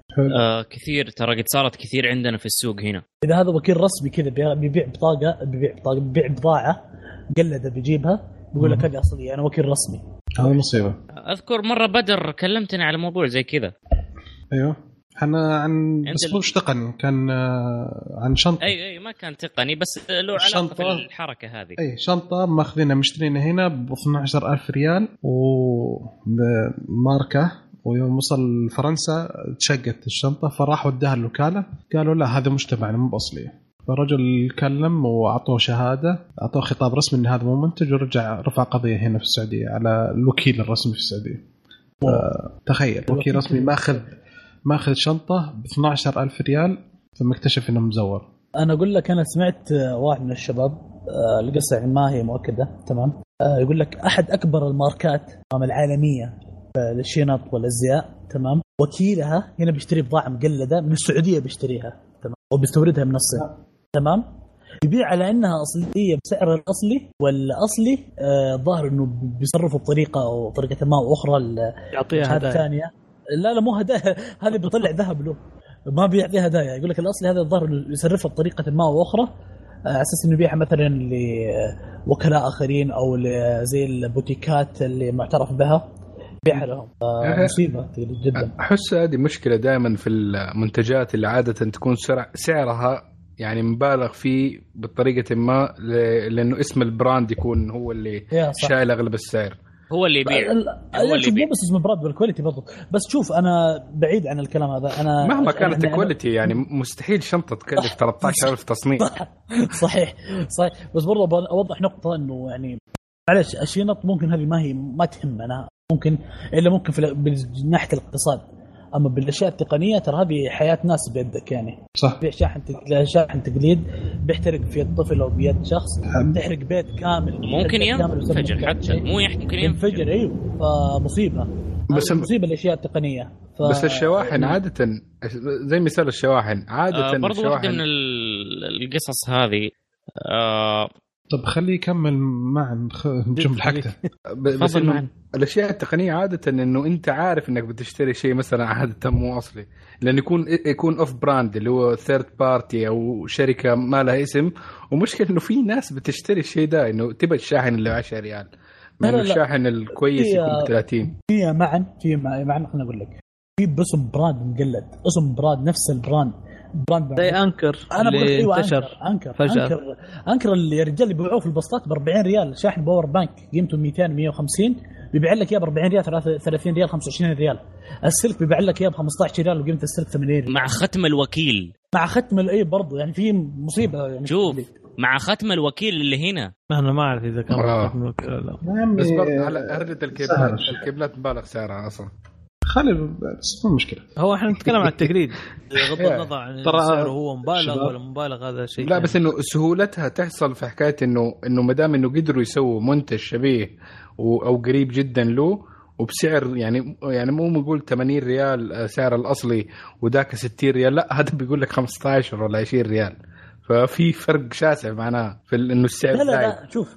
لا لا شوف هم بقول لك هو البراند أساسا شغال على هو ال brand أساسا مثلا سعر الشاحن سعر السلك اللي طالع على المصنع مثلا ب 10 دولار. فلنفترض جدلا لا سعر لا مرة الشحن كثير مرة كثير لا لا لا لا السلك لا, لا تقريبا خلي خلي خلينا نقول مسو مسوين الذهب. تمام؟ أوكي. تمام؟ طالع عليهم ب 10 دولار مع إنه مستحيل يطلع ب 10 دولار. يطلع بحاجة وسنتات. آه وتمام؟ حلو 10 دولار. بكم يبيعوه في السوق؟ حيبيعوه ب 70 دولار. في عندهم. تسويق في عندهم staff في. عندهم كل شيء overhead في عندهم ضمان. أي في عندهم حاجات كثيرة. فطبيعي جدا أنت ك brand معروف شغال على الدعاية. في ميزانية كبيرة مرة قاعدة تروح على الدعاية. عارف؟ في جزء من المصاريف ضخم جدا قاعد يروح على الدعاية والتسويق عشان الناس تعرفك عشان أنت تبيع. يجي واحد متسلق ظهرك ما يدفع لا لا لا رسوم لا يدفع تسويق. ولا يدفع تصميم ولا يدفع quality ولا يدفع إيش. لا copy paste ويبيع على ظهرك. أنت وإذا صارت مشكلة قالوا الناس آه Anker فيها مشكلة. تعبان. Anker شركة سيئة. صح. مظبوط. مظبوط. okay مضر. تعطيني خبر عندك حبيبي. أيوه سيدي. في عندك آه، موقع آه، عربي اللي هو اسمه موضوع. آه، استثمرت شركة طبعا ش- يقول لك استثمار حصلت على استثمار أمريكي وبريطاني تقريبا بقيمة آه، 13.5 مليون آه، دولار. ما شاء أقول لك إحنا نتكلم اليوم عن الملايين. اي ما في. آه، طبعا آه، الاستثمار البريطاني كان من Kingsway وجانب الاستثمار كمان الأمريكي اللي هو Dure Capital Endure Capital آه Endure عفوا sorry Endure Capital آه طبعا آه الاستثمار آه أكثر شيء كان يهدف إلى تطوير الذكاء الاصطناعي. آه بالنسبة للموقع آه طبعا هو عبارة عن محتوى عربي آه تقريبا له أكثر من 1000 150 ألف موضوع مختلف. آه في يتكلم عن التقنية يتكلم عن مجالات الحياة يتكلم عن عن الطبخ يتكلم يتكلم عن أشياء كثيرة. يعني ممكن تقريبا نقدر نقول شيء مصغر من ويكيبيديا بس ما له علاقة بويكيبيديا. بس مواضيع مشهورة معروفة الناس تتكلم عنها. مجالات يعني في التعليم في التربية في يعني ويكيبيديا عربي؟ نقول ويكيبيديا عربي. أنا أشوف موضوع ترى أفضل نعم. بالنسبة لي أنا أفضل من ويكيبيديا. لأنه بيعطيك الموضوع بتفاصيل وبمصادر وبشكل جدا جميل وبيعطيك تفاصيل التفاصيل يعني بيخليك ملم جدا بالموضوع. طبعا الموقع ما شاء الله عندك 45 مليون زائر في في الشهر. ما شاء الله. يعني زيارته قوية. ففكرته طبعا تقريبا بدأت في 2010 ظهر في 2012 ال- في عندهم آه، مساعد صوتي باسم سلمى تقريبا نسخة عربية من سيري والكسا قالوا إنه بيطلقوها في آه، إن شاء الله نهاية العام. وبس تقريبا هي عبارة عن يعني المساعد الصوتي ما هنقول إحنا مرة professional ولكن ال- آه، أغلب إنه حيكون آه، يجاوب على أسئلة في ال في ال data في ال data الموجود عندهم آه، عن طريق باللغة العربية. ولسه شغالين عاد يطوروا فيها. الله يعطيك العافية. يمديك تتكلم في مجال السفر. شايفه أنا؟ عفوا. تدري إيش اللي أنا شايفه في المساعد الصوتي حقهم؟ إيش تقريبا حيطوروا حي... حيشتغلوا عليه حيشتغلوا عليه حبتين ثلاثة وحتجي شركة تبغى تضمه لمساعدها على أساس تستفيد من قاعدة ال... قاعدته في اللغة. العربية ما أدري أحس كذا ما أدري ليش والله إذا جت شركة ممتاز. استثمار أمريكية وبريطانية مرة واحدة ف أي، فمعناته هذا الشيء ما 13 هو مليون. ما شاء الله و- وفي الذكاء الاصطناعي فمعناته ما هو بعيد شركة حاط. عينها على المساعد الشخصي هذا بشكل قوي نعم صحيح. حلو. الله يعطيك العافية. آه معا تعطينا خبرك حبيبي. أنا حبدأ بس آه، بسؤال للشباب. آه، شباب آه، أحد منكم شاف جوال سوني قريب؟ أنا اليوم. لا. أنا بغيت أسلم على الرجال والله صراحة. شفتها في ستاربكس أناظر جهاز سوني. أناظر صدق لا ويا ليت. نيكل يعني يا رجل. بغيت أسلم عليه بغيت أقول له أنا عازمك اليوم على مشروباتك صراحة. أهنيك يا بطل. أهنيك إنك صراحة. على الصمود. والله أقسم بالله اليوم قلت لما أجي أسجل بقول للشباب السالفة هذه لأن قبل التسجيل بس ذكرتها الحين قلت صراحة تفاجأت. شكل الجهاز لفت نظري يا شيخ ال... البزلز 3 كيلو فوق و3 كيلو قدام. مش الشاشة الصغيرة طالعة الجهاز طول بي- بيده. حسبه تعرف شو أول ما شفته حسبه شو؟ حسبه ال mug حق ستاربكس يبغى يعبي فيه coffee. لا هذه قوية هذه قوية. صدق صراحة اهنيه الرجل هذا. ممكن ال- ال compact لأن عندهم الفئة هذه اللي تكون شاشتها صغيرة بس ال bezels فيها مرة كثير. لا، لا،. مو ب compact رجل طويل جهاز طويل. لا لا كل. كل جوالاتهم يا حسين كلها. آه، هذا شكله فانبوي عص- بالصميم هذا. والله أقول لك لا وحاط سماعة بعد يعني الرجل خلاص ما واثق من نفسه. أيوه حبيبي ركب معلش سوري الخبر كمل. لا لا بس هذه هي إنه حكاية إنه ما- مبيعات سوني للجوالات عندهم صارت سيئة جدا. يعني السنة اللي فاتت باعوا 13.5 مليون جوال. وحاليا في السنة هذه 13 ت- 13.5 مليون. ظنيت 13.5 لا لا لا. العالم. هوا ه... لا، لا، لا. هواوي شباب، هواوي شباب. باعت بس ما- في ال... في. الربع الأول. أقول لكم خبر معلش آسف. يمكن خبر مكتوب غلط. بعد 3.5 ثلاثة. فاصلة خمسة مليون جهاز السنة الماضية. أنا حددت جلستي. 3.5 الثلاثة وتصير خلاص. لا لا. صح 13 فاصل. okay sorry sorry. كمل كمل. في السنة الماضية؟ إي 2017 آه okay okay. لا لا معلش لخبطت حسب الربع. إي كمل. بس وحاليا في السنة دي كانوا حاليا في السنة هذه تقريبا كانوا متوقعين حيبيعوا 10 مليون. يعني هم من نفسهم عارفين ان هم حيبيعوا. بس برضو حتى توقعات ال 10 مليون جايب حيجيبوا أقل منها. فوضعهم سيء جدا خلاص. والله الربع هذا باعوا 2 مليون جهاز. الربع هذا. السنة الماضية باعوا 3.4 مليون. وهالسنة وهالربع ذا 2 مليون. يعني كل شوية يعني يا أخي أحلامهم حتى مسكينة يا أخي. 10 مليون جهاز. والله هذا مساكين. حل لازم نطبع والله ما هو حل نك- نكلمهم نسوي لهم استشارات ولا شيء حاجة يا- نقول لهم أنا بشتري أنا معلش. ابى أقول لك شيء. تدري قبل فترة وش أعلنوا؟ اعلن عن جهاز زي إكس 2 برايم 1000 دولار. يعني كمان تبي أنت تبغى تبيع قلل سعرك يعني. كمان يعني. مو بتشطح مرة. 1000 دولار على شركة على جوال ما حد يعرفه ف مأساة والله. عنده عندهم فان بوي عندهم فان بوي وقاعدة مهما كان ما في قاعدة 2 فان بوي. مليون 2 مليون ما في فان بوي قاعدة فان بوي وفية جدا. 2 مليون ما هي فان تضربك في بوي الشارع. ومستعدة تدق سلف لين بيتك وتجي تضربك. الله هذا. إي بس لمتى حيقعد الولاء؟ يعني الناس اللي حتشوف ال- الأشياء في الجوالات الثانية المواصفات المعالجات هذا حتبدأ تقول يا أخي ليش؟ إيش الفائده؟ أنا تعرف أكبر مشكلة أنا كم مرة قلتها؟ المشكلة لو إنهم ينزلون أندرويد صافي على أجهزتهم حتبيع بالهبل. مظبوط. ممكن صحيح. لو إنه يعني الابديتات بتنزل مظبوط في وقتها وكل شيء ممكن يزعل ممكن. شيخ يمكن مرة مصيبة. والله شوف للأمانة أنا استخدمت سوني زد 2 للأمانة كان من أفضل الأجهزة اللي قد استخدمتها. وبوقتها يعني كان جدا جميل والله كان جدا جدا كويس. بس كانت المشكلة الوحيدة زي ما قلتوا التحديثات. هذه كانت مشكلته. سوني زد 2 شغال معايا للآن وهذا هو في يدي وأنا قاعد طقطق عليه من الأخير. زد 2 ما شاء الله تبارك الله. شغال حلاوة. بعد زد 2 بده يخبط.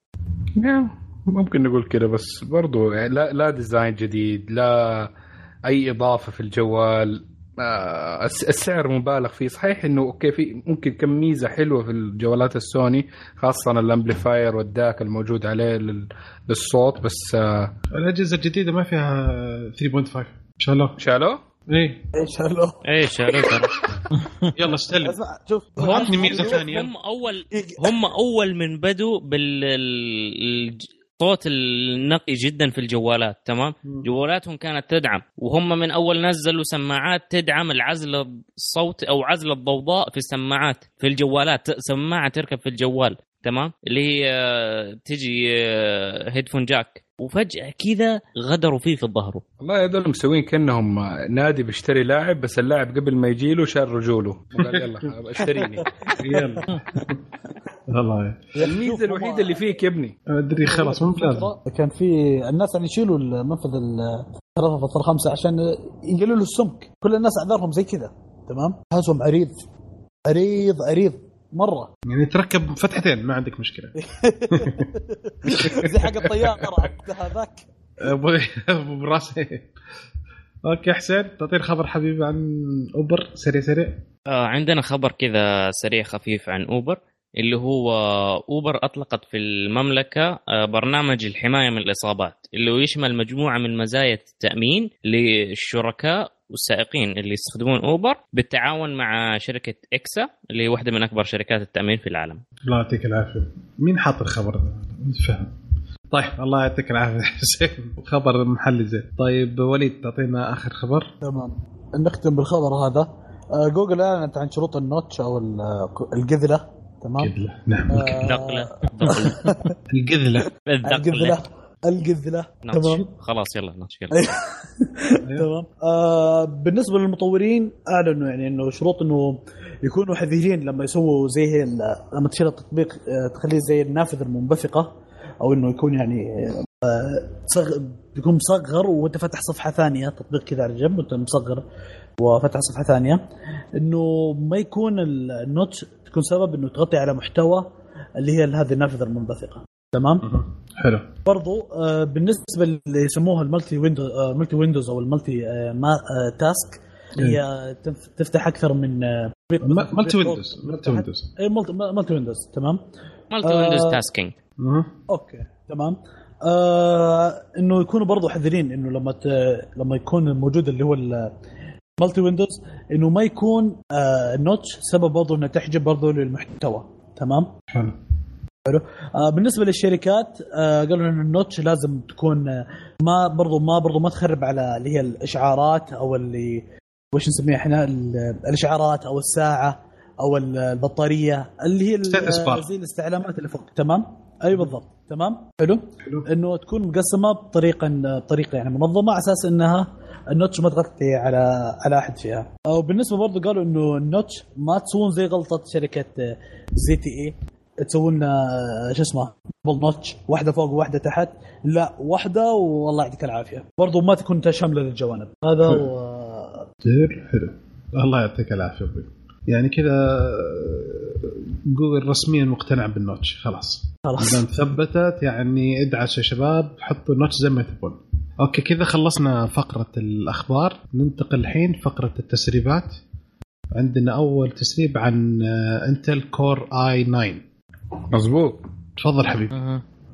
عندنا في خبر غير مؤكد بس إنه احتمال يكون هذا على حسب 3DMark كان في. تسجيل على CPU على 3 اللي هو ال Z370 motherboard type اللي هي ال motherboardات ال consumer level العادية ال- فال i9 ده فهذه نقلة عن ال i9 حق السنة اللي فاتت اللي كان 6 cores حاليا 8 cores ف شيء يكون منتظر إنه كيف حيكون من Intel خاصة إنهم بيحاولوا ينافسوا Ryzen من ناحية عدد ال coreات الموجودة في ال CPU وإذا كان i9 و8 cores هل حيكون برضو 5 جيجا هرتز زي بقية ال i9 الموجودة قبله؟ هذا شيء برضو حننتظره ونشوفه. متى ممكن يتم الإعلان عنه؟ هذا حاليا هو بس صادوه في 3DMark واحد سوى test بيجربه وانكفش. لقطوه ما خلوه على طول؟ على طول صادوه. آه يشبه هذا قوي بزيادة؟ آه. تعال. الله يعطيك العافية. في خبر عن بيكسل 3 بيكسل 3 آه، XL في حصل تسريب كذا مفاجئ اللي هو اولا تسرب الشكل للجهاز إيه. وفيه notch أكيد. للأسف. آه، المعالج راح يكون Snapdragon 845 وال RAM راح تبقى 4 جيجا من الجيل الحالي. الذاكرة راح يجي ب 64 جيجا داخلية واحتمال برضو يجي ب 128 جيجا داخلية. إيه والإعلان حيكون في الرابع من هو صار أكتوبر هذا بالغلط. هو في موقع اسمه فان بيت لبيع الأجهزة. آه، يحدد معلومات وزي كذا. فجت المعلومة عن الجهاز وإنه حيكون متوفر في الرابع أكتوبر. فبعدين أزيل من الموقع بسرعة. ف ما مدى. تقريبا إي ما خلاص هذا عرفنا.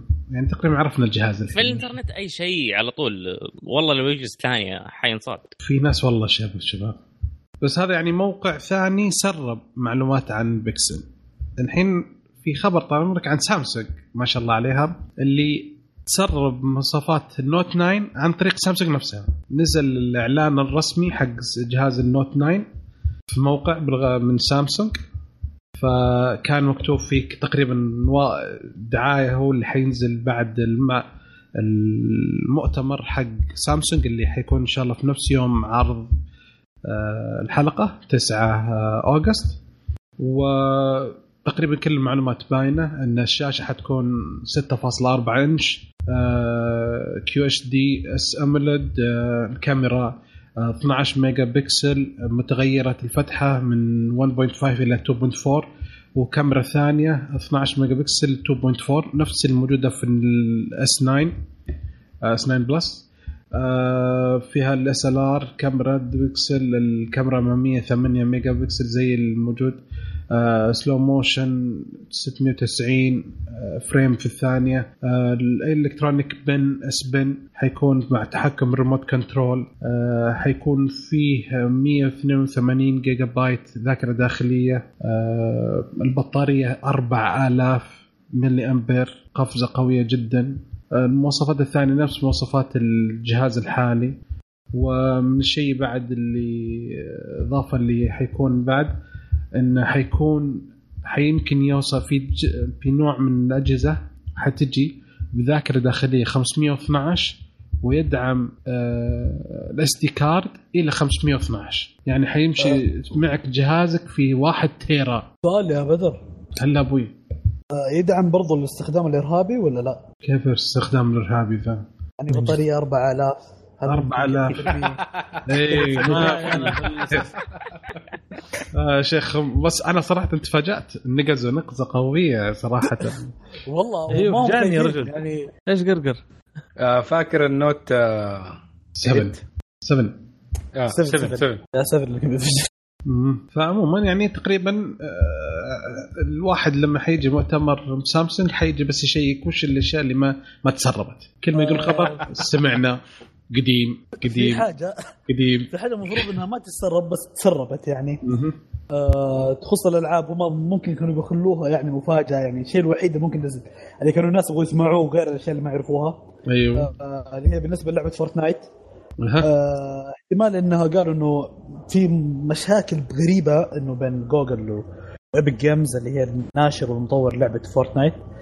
آه، قالوا احتمال إنه خلاص يخلوها بشكل حصري على Galaxy Note 9 واللي هو اللي قبل شوية تكلمنا عنه ال Tab S 4 آه، لمدة شهر إلى أربع شهور حصرية. بس لل Note 9 آه، بس برضو تسربت وبرضو كان يعني في مزايا إنه ممكن تجيك أكثر من 15000 آه، V-Bucks لعبة وزي كذا ف هذه برضو تسربت اللي المفروض تكون مفاجأة يعني نوعاً ما. ما بقى شيء ما طلع. طيب أجيب لك شيء أجيب لك شيء أجيب لك شيء جديد على طاري ال Android P أول جهاز حياخذ آه، Android P بعد اجهزه جوجل آه، راح يكون آه، ال Essential Phone. لا زال صامد. مع إن الشركة وقفت وقفت الشغل على الجزء- الثاني وجالسين يبيعون الشركة. مع ذلك نازل تحديث مباشرة بعد أجهزة جوجل وعلى فكرة. أجهزة جوجل نزل نزل التحديث الآن وفي واحد من الشباب نزل ويقول حتى الآن ممتاز. ما شاء الله حلو. تمام. يعني اعتقد شغالين مباشر. آه، على الخط. كويس. يعني إحساس جميل ها لكم؟ إنه ينزل على طول. operating system وعلى طول تشغلونه كذا. يعني معليش إحنا متعودين يا iPhone من كم سنة؟ عادي. مو بشيء جديد. لا والله يا حبيبي إنك تخاف تحدث. لا لا هالسنة الأخيرة بس iOS 11 أول مرة. في في عندك كوابيس iOS سابقة. 11 بس ولا غير كذا ما كان ابدا في أي مشاكل. ابدا. ال Android ما صار فيها. لا 11 ولا 12 أكيد يا أخي يقعد يقعد 11 و12 لا يقعدون- ولا في ال ice cream ال Galaxy يقعدون ولا في ال- 12 حتى شوف الأسامي. يقعد تسع أشهر يجلس يطبق. أكيد حيكون عنده وقت كافي. تسع أشهر عشان. يضبط. شوف الأسامي. جوجل. خلصت كل شيء. صح ما جابوا peanut butter بس أسامي حلوة. أنت peanut butter ذا. أنت سمي peanut butter لحالك عادي أحسن. أوكي شباب في عندكم أي خبر عن تسريبات ثانية مهمة؟ الله يعطيكم العافية كذا خلصنا. أوكي شباب الحين وصلنا لمرحلة موضوع الحلقة. الموضوع هو عن هاكثون الحج اللي صار قبل فترة في السعودية. آه، أول شيء الهاكثون هو عبارة عن تجمع يكون فيه مبرمجي الكمبيوتر وغيرهم تطوير برمجيات وزي كذا أشياء مختلفة. آه، كم مرة صارت في عدة أماكن في العالم كان في هاكثون حق فيسبوك وهاكثون حق آه، المياه الدولي وهاكثون آه، OpenBSD. فعدة هاكثونات مشهورة. هو جاي من تقريبا جمع ما بين كلمة hack وكلمة ماراثون يعني زي لو يعني ترجمة الهكرجيه على قولهم. ف اللي صاير ال- الهاكثون الأخير اللي صار في في جدة هو تحت إشراف الاتحاد السعودي للامن السبراني والبرمجة وال drones آه، بدعم من جوجل. وكان يحتاج وكان هدفه تطوير تطبيقات تقنية تخدم حجاج آه، بيت الله الحرام. وكانت عدة جهاز آه، جهات مشرفة على الموضوع مثل الصحة آه، وغيرها. وكان في عدة توجهات ووصل عدد المشاركين 2915 مشارك. من 50 دولة في العالم وهذا حقق آه، آه، دخل كسر رقم قياسي عالمي ودخل في موسوعة جينيس العالمية كأكبر ما شاء الله. تجمع هاكثوني في العالم حتى تاريخه. إي نعم. وكان في حقين جينيس وقدم الشهادة وزي كذا. آه، هو مدة ال- أعتقد معنا في معنا في الحلقة اليوم الأخت رنا وهي واحدة من المشاركات حياك الله أخت رنا. حيك الله يعطيك العافية. آه، أول شيء تقولي لنا مثلا آه، كم تعطينا فكرة عن الهاكثون بما إنك أنت شاركتي كم يوم كان الحدث وكيف؟ لأن هي كان في جوائز. فنتكلم في بعدين عن جوائز ومسابقات. بس نبغى ناخذ تفضلي. آه بسم الله الرحمن الرحيم. آه أنا شاركت في الهاكاثون كمصمم جرافيك. آه طبعا الهاكاثون كان يومين ونص تقريبا آه كشغل. آه آه معليش السؤال يعني آه تكلم عن الفكرة وعن آه ولا كيف؟ أول شيء آه، تسجيل كيف التسجيل وكيف الوضع وكيف بعدين نتكلم عن فكرتكم أنتم. آه هم التسجيل آه كانوا مسوين ما شاء الله تسويق مرة آه قوي على التسجيل. أنا شفته في تويتر. واحدة من صحباتي أرسلت لي. شفته في تويتر وسجلت. و... وكان التسجيل عبارة عن آه بنود كذا بند مبرمج مصمم إلى آخره اللي هو بيضم التقنية. وكان كمان آه، تسجيل إما تكون أنت فرد أو وكان يعني ما شاء الله منتشر. كان يعني مرة في كل مكان تلاقي إعلان عنه. والدليل 2915 مشارك هذه. بالضبط إيه ما شاء الله. ف... ف يعني هو ده اللي صار إنه أنا مسجلت الحمد لله. جاني اتصال إنه تم قبولك. و... وطبعا في إجراءات أخرى بعد ما تم القبول اني أروح عندهم وفي إجراءات كده دقيقة تصير معاهم عشان أكون رسميا أنا كده دخلت المكان. طيب هذه آه تفضل. أيوه. أنت قد دخلت كفرد؟ أنا أيوه دخلت كفرد. هل أعطوك مجموعة ولا أنت اخترت مجموعة ولا كيف كان؟ تمام. آه هنا طبعا مسوين حركة مرة حلوة. إنه إذا أنت دخلت كفرد تقدر تكون فريق. عن. طريق بوثات مقسمين طبعا آه عشرة تقريبا عشرة بوثات كذا آه كل بوث اللي, اللي ما عنده مثلا أنا ناقصني كامل أقدر أروح هناك أكتب اسمي وأقول أنا ناقصني فريق كامل. ويجوا طبعا اللي حاب ينضم لفريق يكتب اسمه أنا أتصل عليه أو أنا أجي أناديه. ممكن تنضم معايا. يعني منظمين المكان. اللي يجوا كأفراد. من هناك أنا كونت الفريق يعني من هناك أنا صرت ضمن فريق. حلو. تمام. ف تفضل. أيوه كونتي فريق ما شاء الله واشتغلتوا على تطبيق؟ آه طبعا التط... آه كانت هي الفكرة إنه إما تسوي تطبيق على جوال أو آه website. آه بس إحنا طبعا سوينا تطبيق في الجوال أفضل. مهم. عشان الفكرة تخدمنا أكثر كتطبيق في الجوال. فالفكرة كانت عبارة عن آه تواصل. فأخذنا الاسم كتبنا اسم ألفة الألفة آه من التآلف.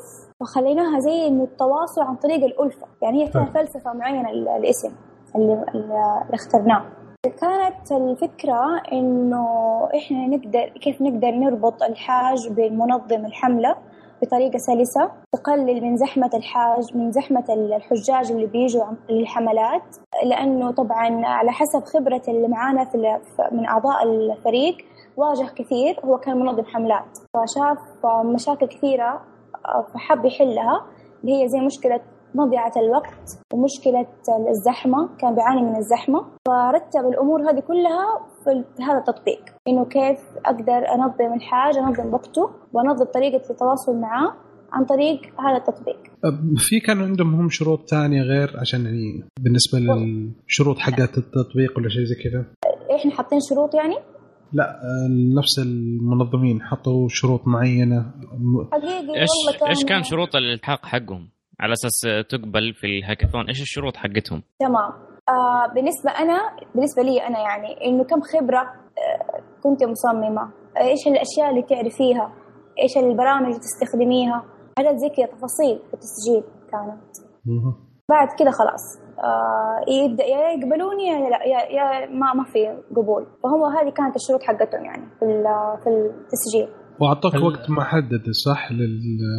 للتطبيق تطوير التطبيق اعطوه وقت محدد؟ هو آه إيوه يومين. يعني خميس الربوع الخميس كاملين كده إحنا نبرمج. الين طبعا آه، لين 8 8 صباحا يوم الجمعة. هذا كان حدنا يعني يومين ونص تقريبا. تسليم بعدين. إيوه تسليم خلاص التسليم النهائي. تفضل عندك سؤال؟ الجوري. التسليم النهائي.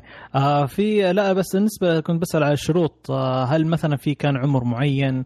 هل في كان مثلا آه، خبرة معينة؟ لازم مثلا إذا كان كتصميم أو كجرافيك هل مثلا لازم يكون سنة خبرة أو كم شهر خبرة؟ هل يشترطوا فيه شهادات معينة لا، لا. أو تخصص معين؟ هذا هو. لا لا ولا- شهادات تخصص لا. بس كان كم يعني كم لك أنت في التصميم بس هذا سؤالهم. اللي في التسجيل. يعني ممكن نفهم إنه ما كان في اشتراطات معينة. حتى الأعمار أنا لاحظت إنه في أيوه آه، أيوه لا. ما شاء الله ال- آه، الناس اللي 14 فاهمين في. البرمجة في الصغار في الكبار. أنا. لفت نظري بصراحة في الهاكاثون. أكثر شيء أنا لأني من معجبين من آه، ستيف وزنياك التحكيم. حنجي نتكلم عن لجنة التحكيم والجوائز هذه فيما بعد؟ هو هذا أكثر شيء. نظري فيه آه، أوكي. بس هي بس هذا ما عندي أسئلة يعني. هم صراحة يعني أنا كتبت عم... أ- أفتكر إني أنا كتبت عمري. أفتكر والله نسيت تسجيل لأنه كان قبل شهر. آه بس ما ك... بس ما كان في شروط مرة مقيدة صراحة. لا ما كان في. بعدين بعد ما سلمته كان فيه الحفل فيما بعد ولا في نفس اليوم ولا؟ أيوة الحفل كان في نفس يوم التسليم. اللي هو يوم الجمعة. بالليل.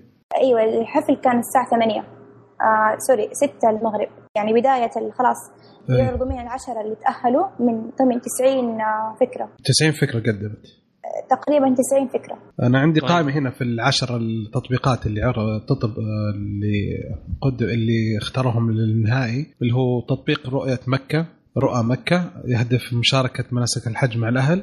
تطبيق مكة الآن آه، يوضح الازدحام في الموسم الحج والاماكن تطبيق ترجمان تطبيق المحفظة الإلكترونية آه، أساور إلكترونية للحجاج سلة مهملات ذكية تطبيق الإدارة للمهملات آه، يعني ربط أي مراجع المستشفيات تطبيق ربط المرشدين والمدرب لحملات الحج مجموعاتهم.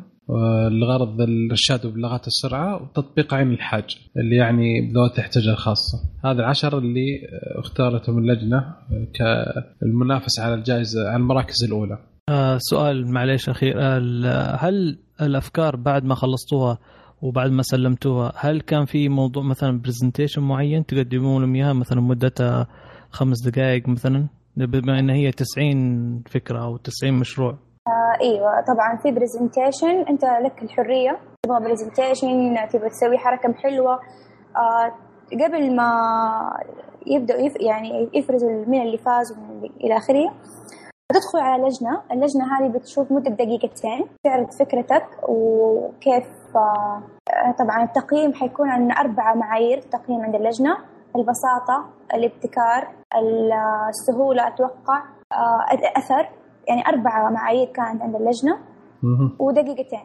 إذا خلص دقيقتين وأنت ما خلصت فكرتك انتهى المو... انتهى الوقت خلاص يعني. يا ساتر.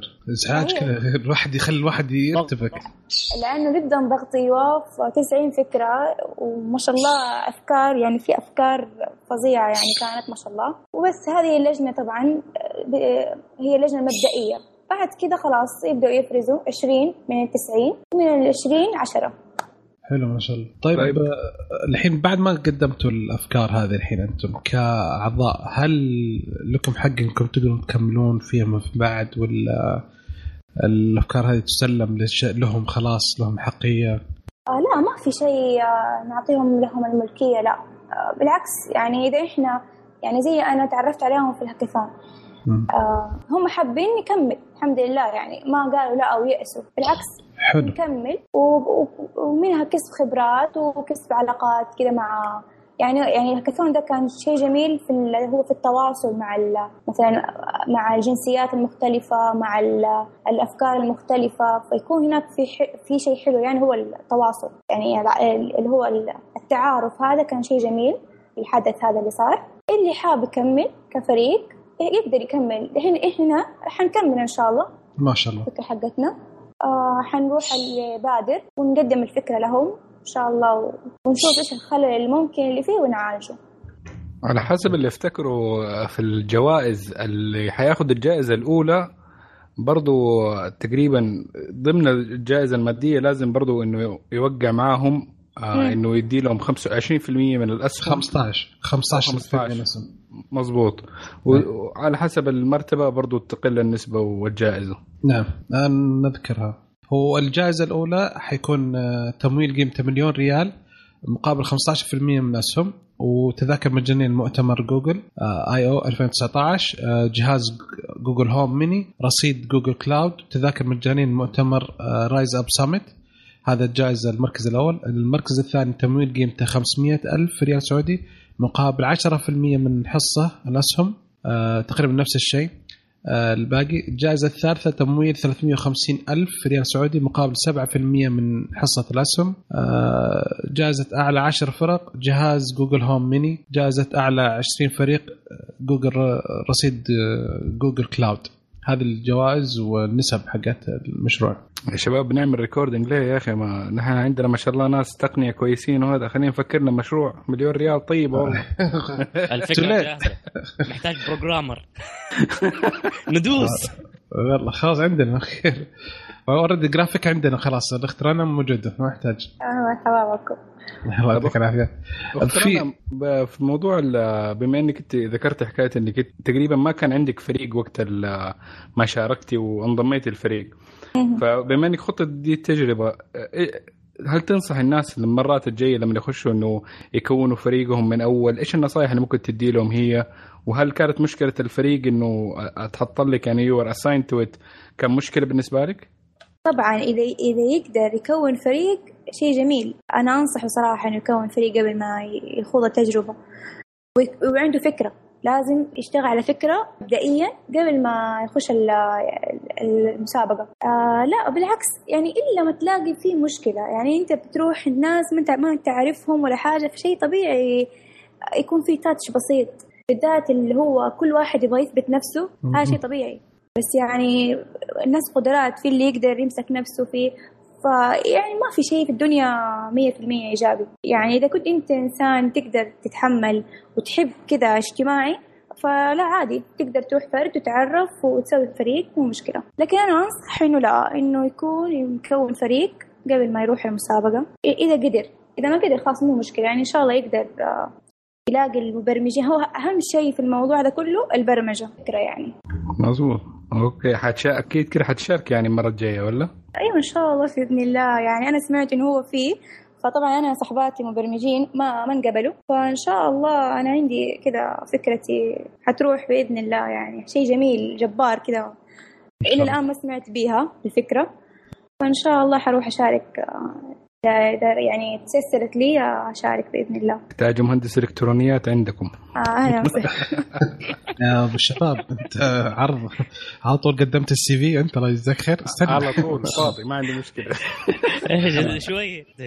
خل السي في حقك هنا يوصل الإدارة بعدين. ما في ردي على طول.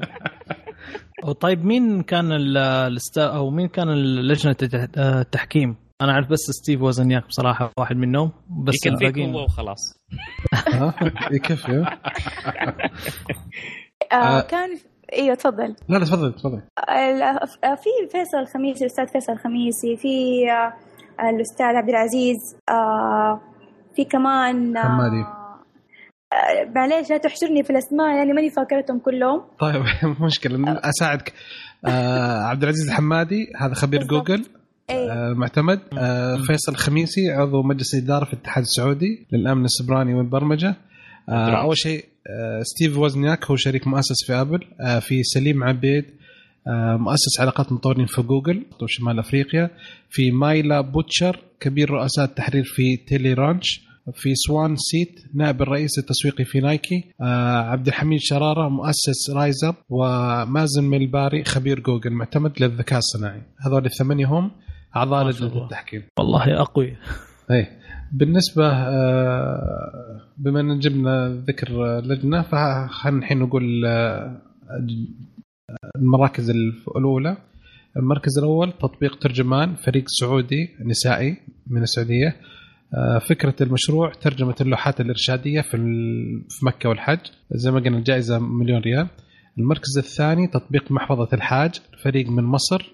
فكرة المشروع يغني الحاج عن حمل الأوراق والأموال. يصير يعني محفظة إلكترونية معه. آه، المركز الثالث تطبيق رؤى لفريق من الجزائر. فكرة المشروع ينقل ويوثق مشاعر الحجاج.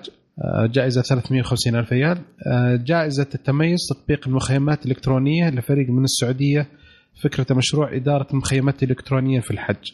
والجائزة كانت 150 ألف ريال.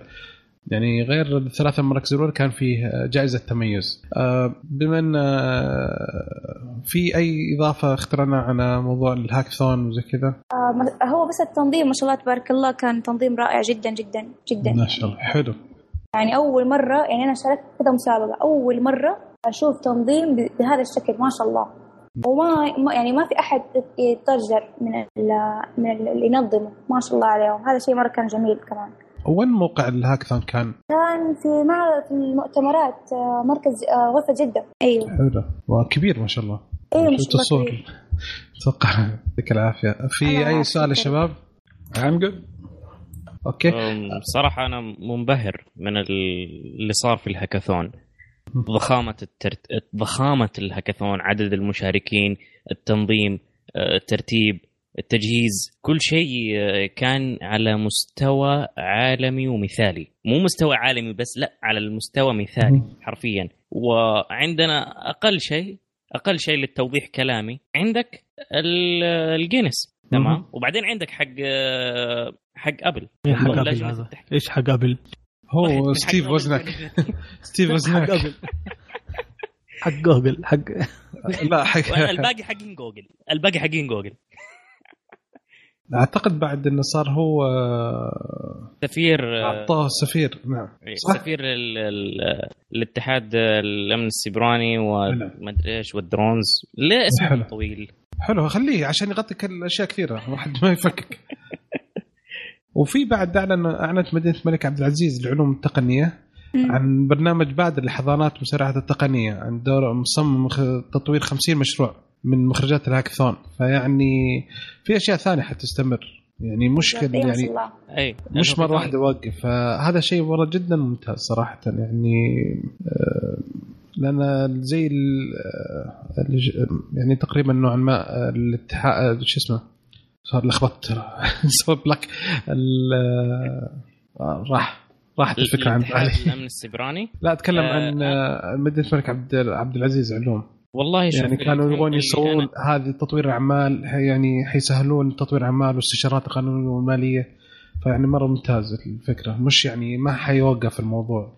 مش آه، مرة وخلاص أي هكذا دخلنا رقم بداية. دخلنا جينيس ووقفنا مع السلامة. لا يعني في خطة مستمرة. هذا شيء جدا ممتاز صراحة. أيوه اللي يوضح لك من الكلام اللي قاعد يطلع من الإعلانات اللي قاعدين نقولها إن الهك... إن يقولونها هم إن الهاكاثون هو خطوة اودي يعني بعد الهاكاثون في حاجات جاية في أرقام كبيرة راح تكسر. في حاجات يا ساتر. لو يفتحوا ال DEF CON عندنا يصير خلاص. يعني أول من بدأها كان Comic Con. أول con. أي الحين خلاص. والله DEF CON بالعكس هذا DEF CON تعرف اللي هو يعتبر تجمع الهاكرز. وتجمع شركات ال- الحماية اللي هي ال cyber security وهذه بالعكس. أعتقد أنا قبل شهر صح كان في واحد في لندن؟ أو ما أدري والله. أنا أعرف اللي تصير هي في واحدة في أمريكا. حتصير إن شاء الله بعد فيغاس تقريبا. لاس مو لا yeah لاس فيغاس. لاس فيغاس والله نسيت. لاس فيغاس yeah. yeah ما ما هو لاس انجلس لا لاس فيغاس yeah. آه فهو حيصير غالبا أعتقد بعد شهر أو شيء زي كذا. حلو حلو أجل. أجل يمكن بعد شهر عندنا ملخبط. واحد هنا okay حلو. آه بس الحين نقول آه أعتقد إن كذا خلصنا على موضوع هاكثون في أي شيء تبغى تبغون تضيفونه؟ nope. آه، اخت رنا في أي إضافة ودك آه، تقولينها؟ لا شكرا لكم والله يعني شكرا على إنكم اخترتوني. أنا أتكلم عن هاكاثون معاكم فجزاكم الله خير. شكرا. الله يعطيك العافية.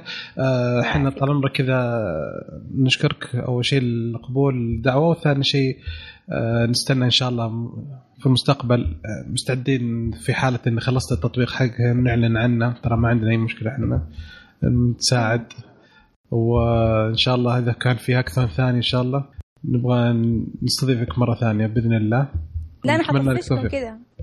كل شوي حشارك هاكاثون لا حياك الله ممتاز. الله يسلمك يا رب. حياك الله يعطيك العافية.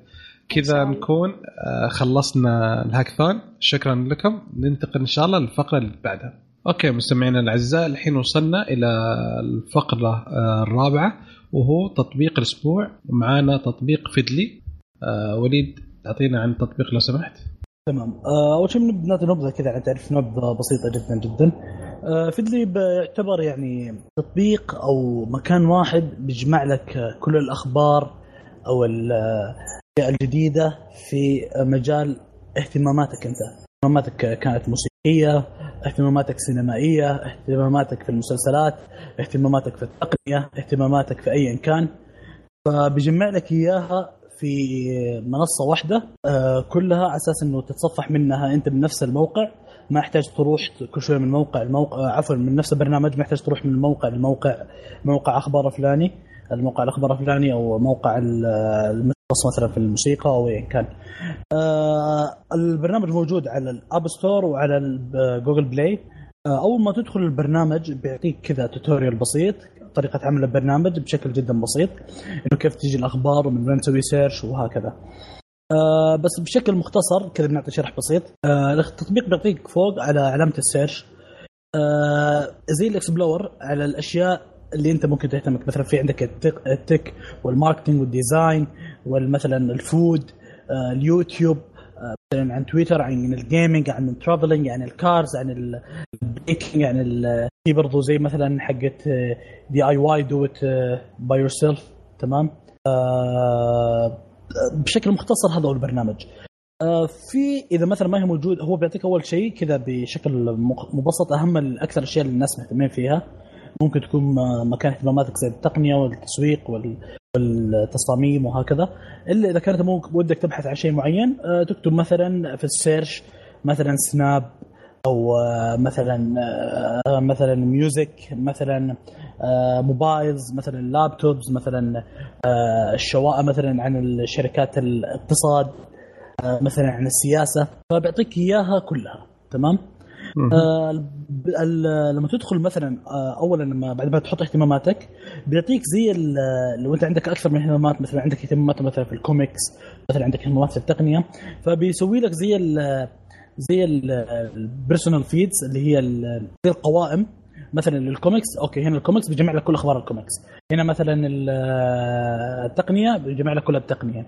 إلا لو وفي برضو all لو كلها مع بعض يعني تبغى التقنية مع مع الكوميكس مع ال design زي كذا يعطيك إياها كلها في آه، مكان واحد. آه، من مزايا التطبيق مثلا لو عندك خبر شفت إنه عجبك مثلا آه، يمديك تسوي له مثلا share أي شيء share على تويتر على الفيسبوك على واتساب على أي كان. آه، ويمديك تسوي له زي ال bookmark على أساس إنك ترجع له مرة ثانية. مثلا خبر آه، أثار اهتمامك وحبيت ترجع له مرة ثانية في وقت لاحق تحط له في علامة فوق على اليسار علامة ال bookmark تحط له عليه bookmark. آه، التطبيق بيعطيك خيارات كثيرة في الإعدادات. مثلا بيعطيك مثلا زي ال themes themes night mode أو ال light ال light mode تختار صوره switch وبرضه في في الاعدادات انه إيش يحط لك مثلا auto آه، auto mark as read أو مثلا آه، الاشياء اللي أنت مفضلة عندك. آه، مديك برضه ترتب الاختصارات حق التطبيق.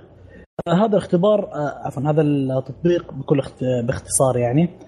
آه، ما يمديني أشرح أكثر من كذا. تطبيق يعني يبغى لك انت بنفسك تروح كذا تستكشفه ممتع ممتع تستكشفه للأمانة تمام؟ قاعد أستكشف فيه كذا وكان جدا ممتع.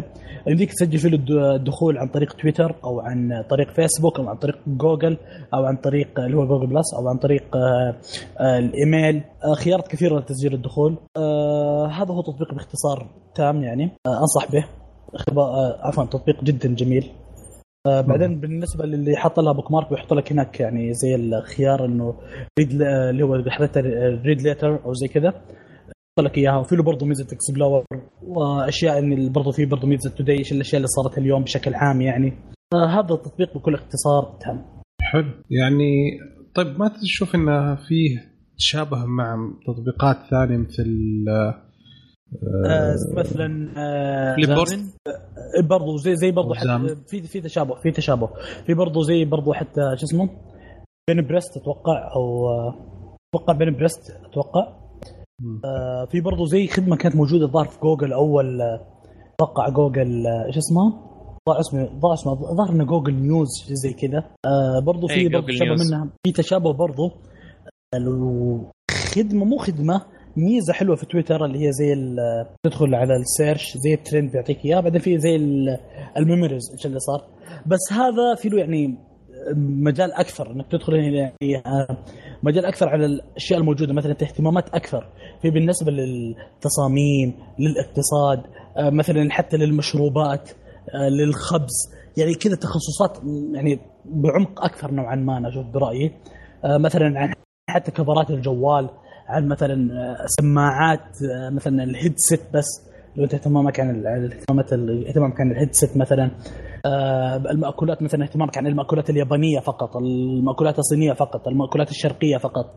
آه، في كذا شوية يعني تخصيص نوعا ما. حلو. تقول لي في للخبز ها؟ إيه، في للخبز في في للخبز إيه، في. إيش إيش إيش إيش إيش اسمه؟ إيش خبز مو خبز؟ في اسمه إيش اسم التطبيق؟ فيدلي فيدلي فيدلي أوكي. جاري ميل يا شيخ. آه، كله كله كل شيء يعني. أنا نوعا ما أنا حاليا عزوبي فشكلي أنا يعني استفدت للأمانة منه نوعا ما في الطبخ. في هذيك اللي يسموها الوجبات حق خمس دقائق موجودة هذيك اللي تحضرها بخمس مم. دقائق فجدا مفيد نوعا ما. حلو. الله يعطيك العافية أبوي. في أسئلة يا شباب عن التطبيق؟ أوكي كذا نكون خلصنا. يبغى نجربه أقول. لا لا يستحق يا عمي يقول لك في للخبز والخبز والطبخ والحاجات الرهيبة هذه. يعني الطبيخ الوالدة- والنفيخ. الوالدة حتدينا تهزيء يعني لما إحنا نقعد نجرب في المطبخ. شوف أنا عندي banned من المطبخ أساسا أنا أطبخ برا. عشان في الصورة. أنا أطبخ في المطبخ اللي برا؟ في المطبخ اللي جوا أنا ممنوع. حلو. الله يعطيك العافية أبوي. الله شكرا وليد الله يعطيك العافية على الخبر. آه كذا خلصنا من آه آه، بدر خبر وين؟ آه sorry من الفقره خلصنا من الفقرة. جاع الرجال جاع ليش يا شباب؟ أوكي خلصنا من الفقرة هذه ننتقل للفقرة الأخيرة وهي الشرح التقني. والشرح التقني في هذه الحلقة هو عن سبب إقفال الأجهزة في الطيارة. تفضل يا آه،. مضر آه طبعا إحنا دائما نعرف إنه ليش آه لما نروح نسافر بالطيارة تعرف لما إيش يعرضوا لنا يعرضون اللي هو المقطع الفيديو يقول لك إنه الحزام والأكسجين إذا لا سمح الله إذا صار في مشكلة في الطيارة زائدا اقفال الأجهزة حتى مو بس الجوال لا يقول لك الأجهزة الجوال وأجهزة اللابتوب وأجهزة حتى الأشياء مثلا ال PC مثلا ال Switch الأشياء الصغيرة.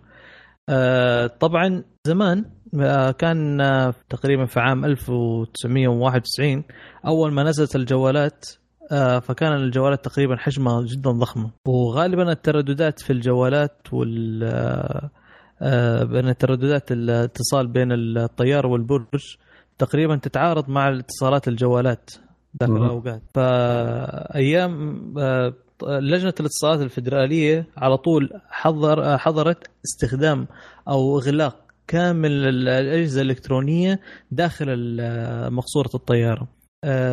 آه، طبعا بالنسبة للجوالات الكبيرة قلنا عشان الموجات لكن لما نجي مثلا في الأجهزة مثلا زي ال- portable أيام كان في زمان اللي هو ال portable DVD أو. ال portable CD آه ال Walkman آه هذه كانت كلها برضو محظورة لما تستخدمها في الطيارات طب ليش؟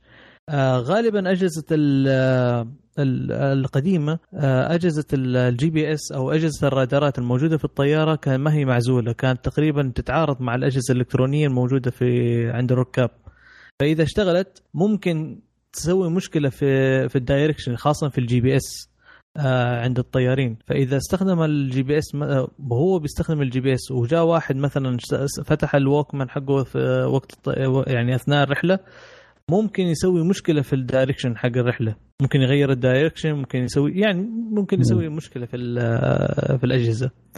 طبعا الآن آه، بالنسبة للأجهزة ال- آه، الجوالات أو ال- الآن مع تطور التقنية ووجود حلول ووجود عدة آه، عوازل عشان تعزل بين الأجهزة الإلكترونية وكذا الآن وجدت هذه التقنية والتقنيات هذه. لكن لو نلاحظ برضو ما زال التعميم أو ما نزال التعليمات تصدر بالشأن هذا. إنه لازم تقفل الأجهزة الإلكترونية، طيب ليش؟ طبعا غالب دحين المحدث المتحدث الرسمي باسم ال FCC أو ال- اللجنة الاتصالات الفدراليه قال حاليا سمحت إنه تستخدم الأجهزة هذه الصوتية والمرئية ولكن منعتها لسبب بسيط اللي هو عشان إزعاج المسافرين في الداخل المقصورة، لكن آه، حاليا لا يوجد خطر صراحة إنه لا يوجد خطر في استخدام هذه الأجهزة الإلكترونية أثناء السفر. لكن الحظر ما زال موجود وقت الإقلاع ووقت الهبوط، يعني أثناء الرحلة وأنت فوق بعد الإقلاع أثناء الرحلة لك أي مشكلة إنك تشغل واحدة من الأجهزة سواء الووكمان أو السويتش هذا حيطلع لك أصلا ال- ال- الإنذار إنه حيقفل إشارة ال- الأجهزة الإلكترونية. ولكن عدم استخدام الاتصالات كمثلا إذا تبغى تتصل أو شيء وقت السفر بسبب إنه آه، إزعاج المسافرين. لكن مثلا الأجهزة الثانية الإلكترونية زي الووكمان زي هذه ممكن الواحد يستخدمها. آه، لكن ما زال نفس الحظر هذا موجود بالنسبة هم يقولوا يعني فعليا ما في ولكن خايفين من الخطر إنه لا سمح الله صار شيء لأنه هذه من أصعب آه، أصعب الأوقات آه، اللي هو ال- الهبوط والإقلاع. دائما دائما يحذرون إنه يفضل إنه إيش؟ تقفل الأجهزة وإن كان ما فيها خطر. طيب يعني هو احتياطا؟ الأجهزة ولا لا؟ خلوا. نشغل اجهزه ولا لا؟ ما شاء الله في بعض قبل ما تهبط الطياره الناس تسمع الرنين شغال. إيه شغال. إيه صح. هو دائما يفضل يعني إلى الآن ال FCC ما قالت إنه في مشكلة. يعني فعليا ما في مشكلة.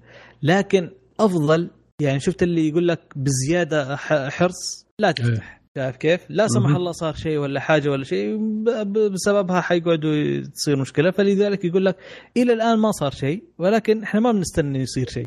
فلذلك يفضل إنك ما تفتحها وقت الإقلاع وقت الهبوط حتى برضو على فكرة خارج التقنية آه، الشبابيك. لما يقول لك يا أبوي أفتح الشباك مع لازم تفتح الشباك مو لازم تقفله حتى لو جاي شمس في وجهك. لما وقت الهبوط هبوط ولا وقت الإقلاع؟ لا. بالضبط لأنه لاحظ المضيفين حتى يجلسوا في عكسك. المضيفين يعتبروا المرايه الخلفية لل- للكابتن. فوقت الهبوط والإقلاع دائما لازم إيش؟ تكون الشبابيك مفتوحة لا عشان يشوفوا إذا كان لا سمح الله في شيء في الأجنحة ولا شيء صار.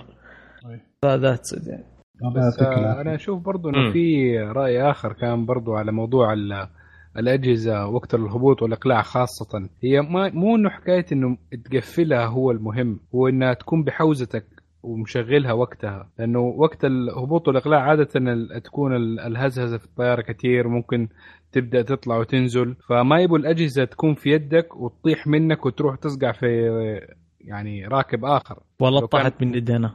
فيعني. والله طاحت من يدي وراحت والله في آخر الطيارة. مع الإقلاع ها؟ لا مو مع الإقلاع مع ال... أيوه مع الإقلاع إلا مع الإقلاع. هذه واحدة من الأسباب. اللي فهمتها منهم تقريبا. بالضبط أنا طاحت من يدي فعلا والله راحت ورا. حتى على أدورها ما قعد ما قعد. والله شكلي مرة خ...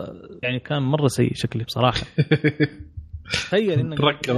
أروح عند والله كرسي كرسي كذا طالع. شفتوا شوال يا شباب؟ جاكم شيء؟ عندك شيء في رجولكم أنتم طالعين؟ منظري أقول لك مرة سيء كان. الله يعطيك العافية. الله يعطيكم العافية. كذا خلصنا الفقرة الأخيرة في حلقة اليوم وإن شاء الله تكون عجبتكم.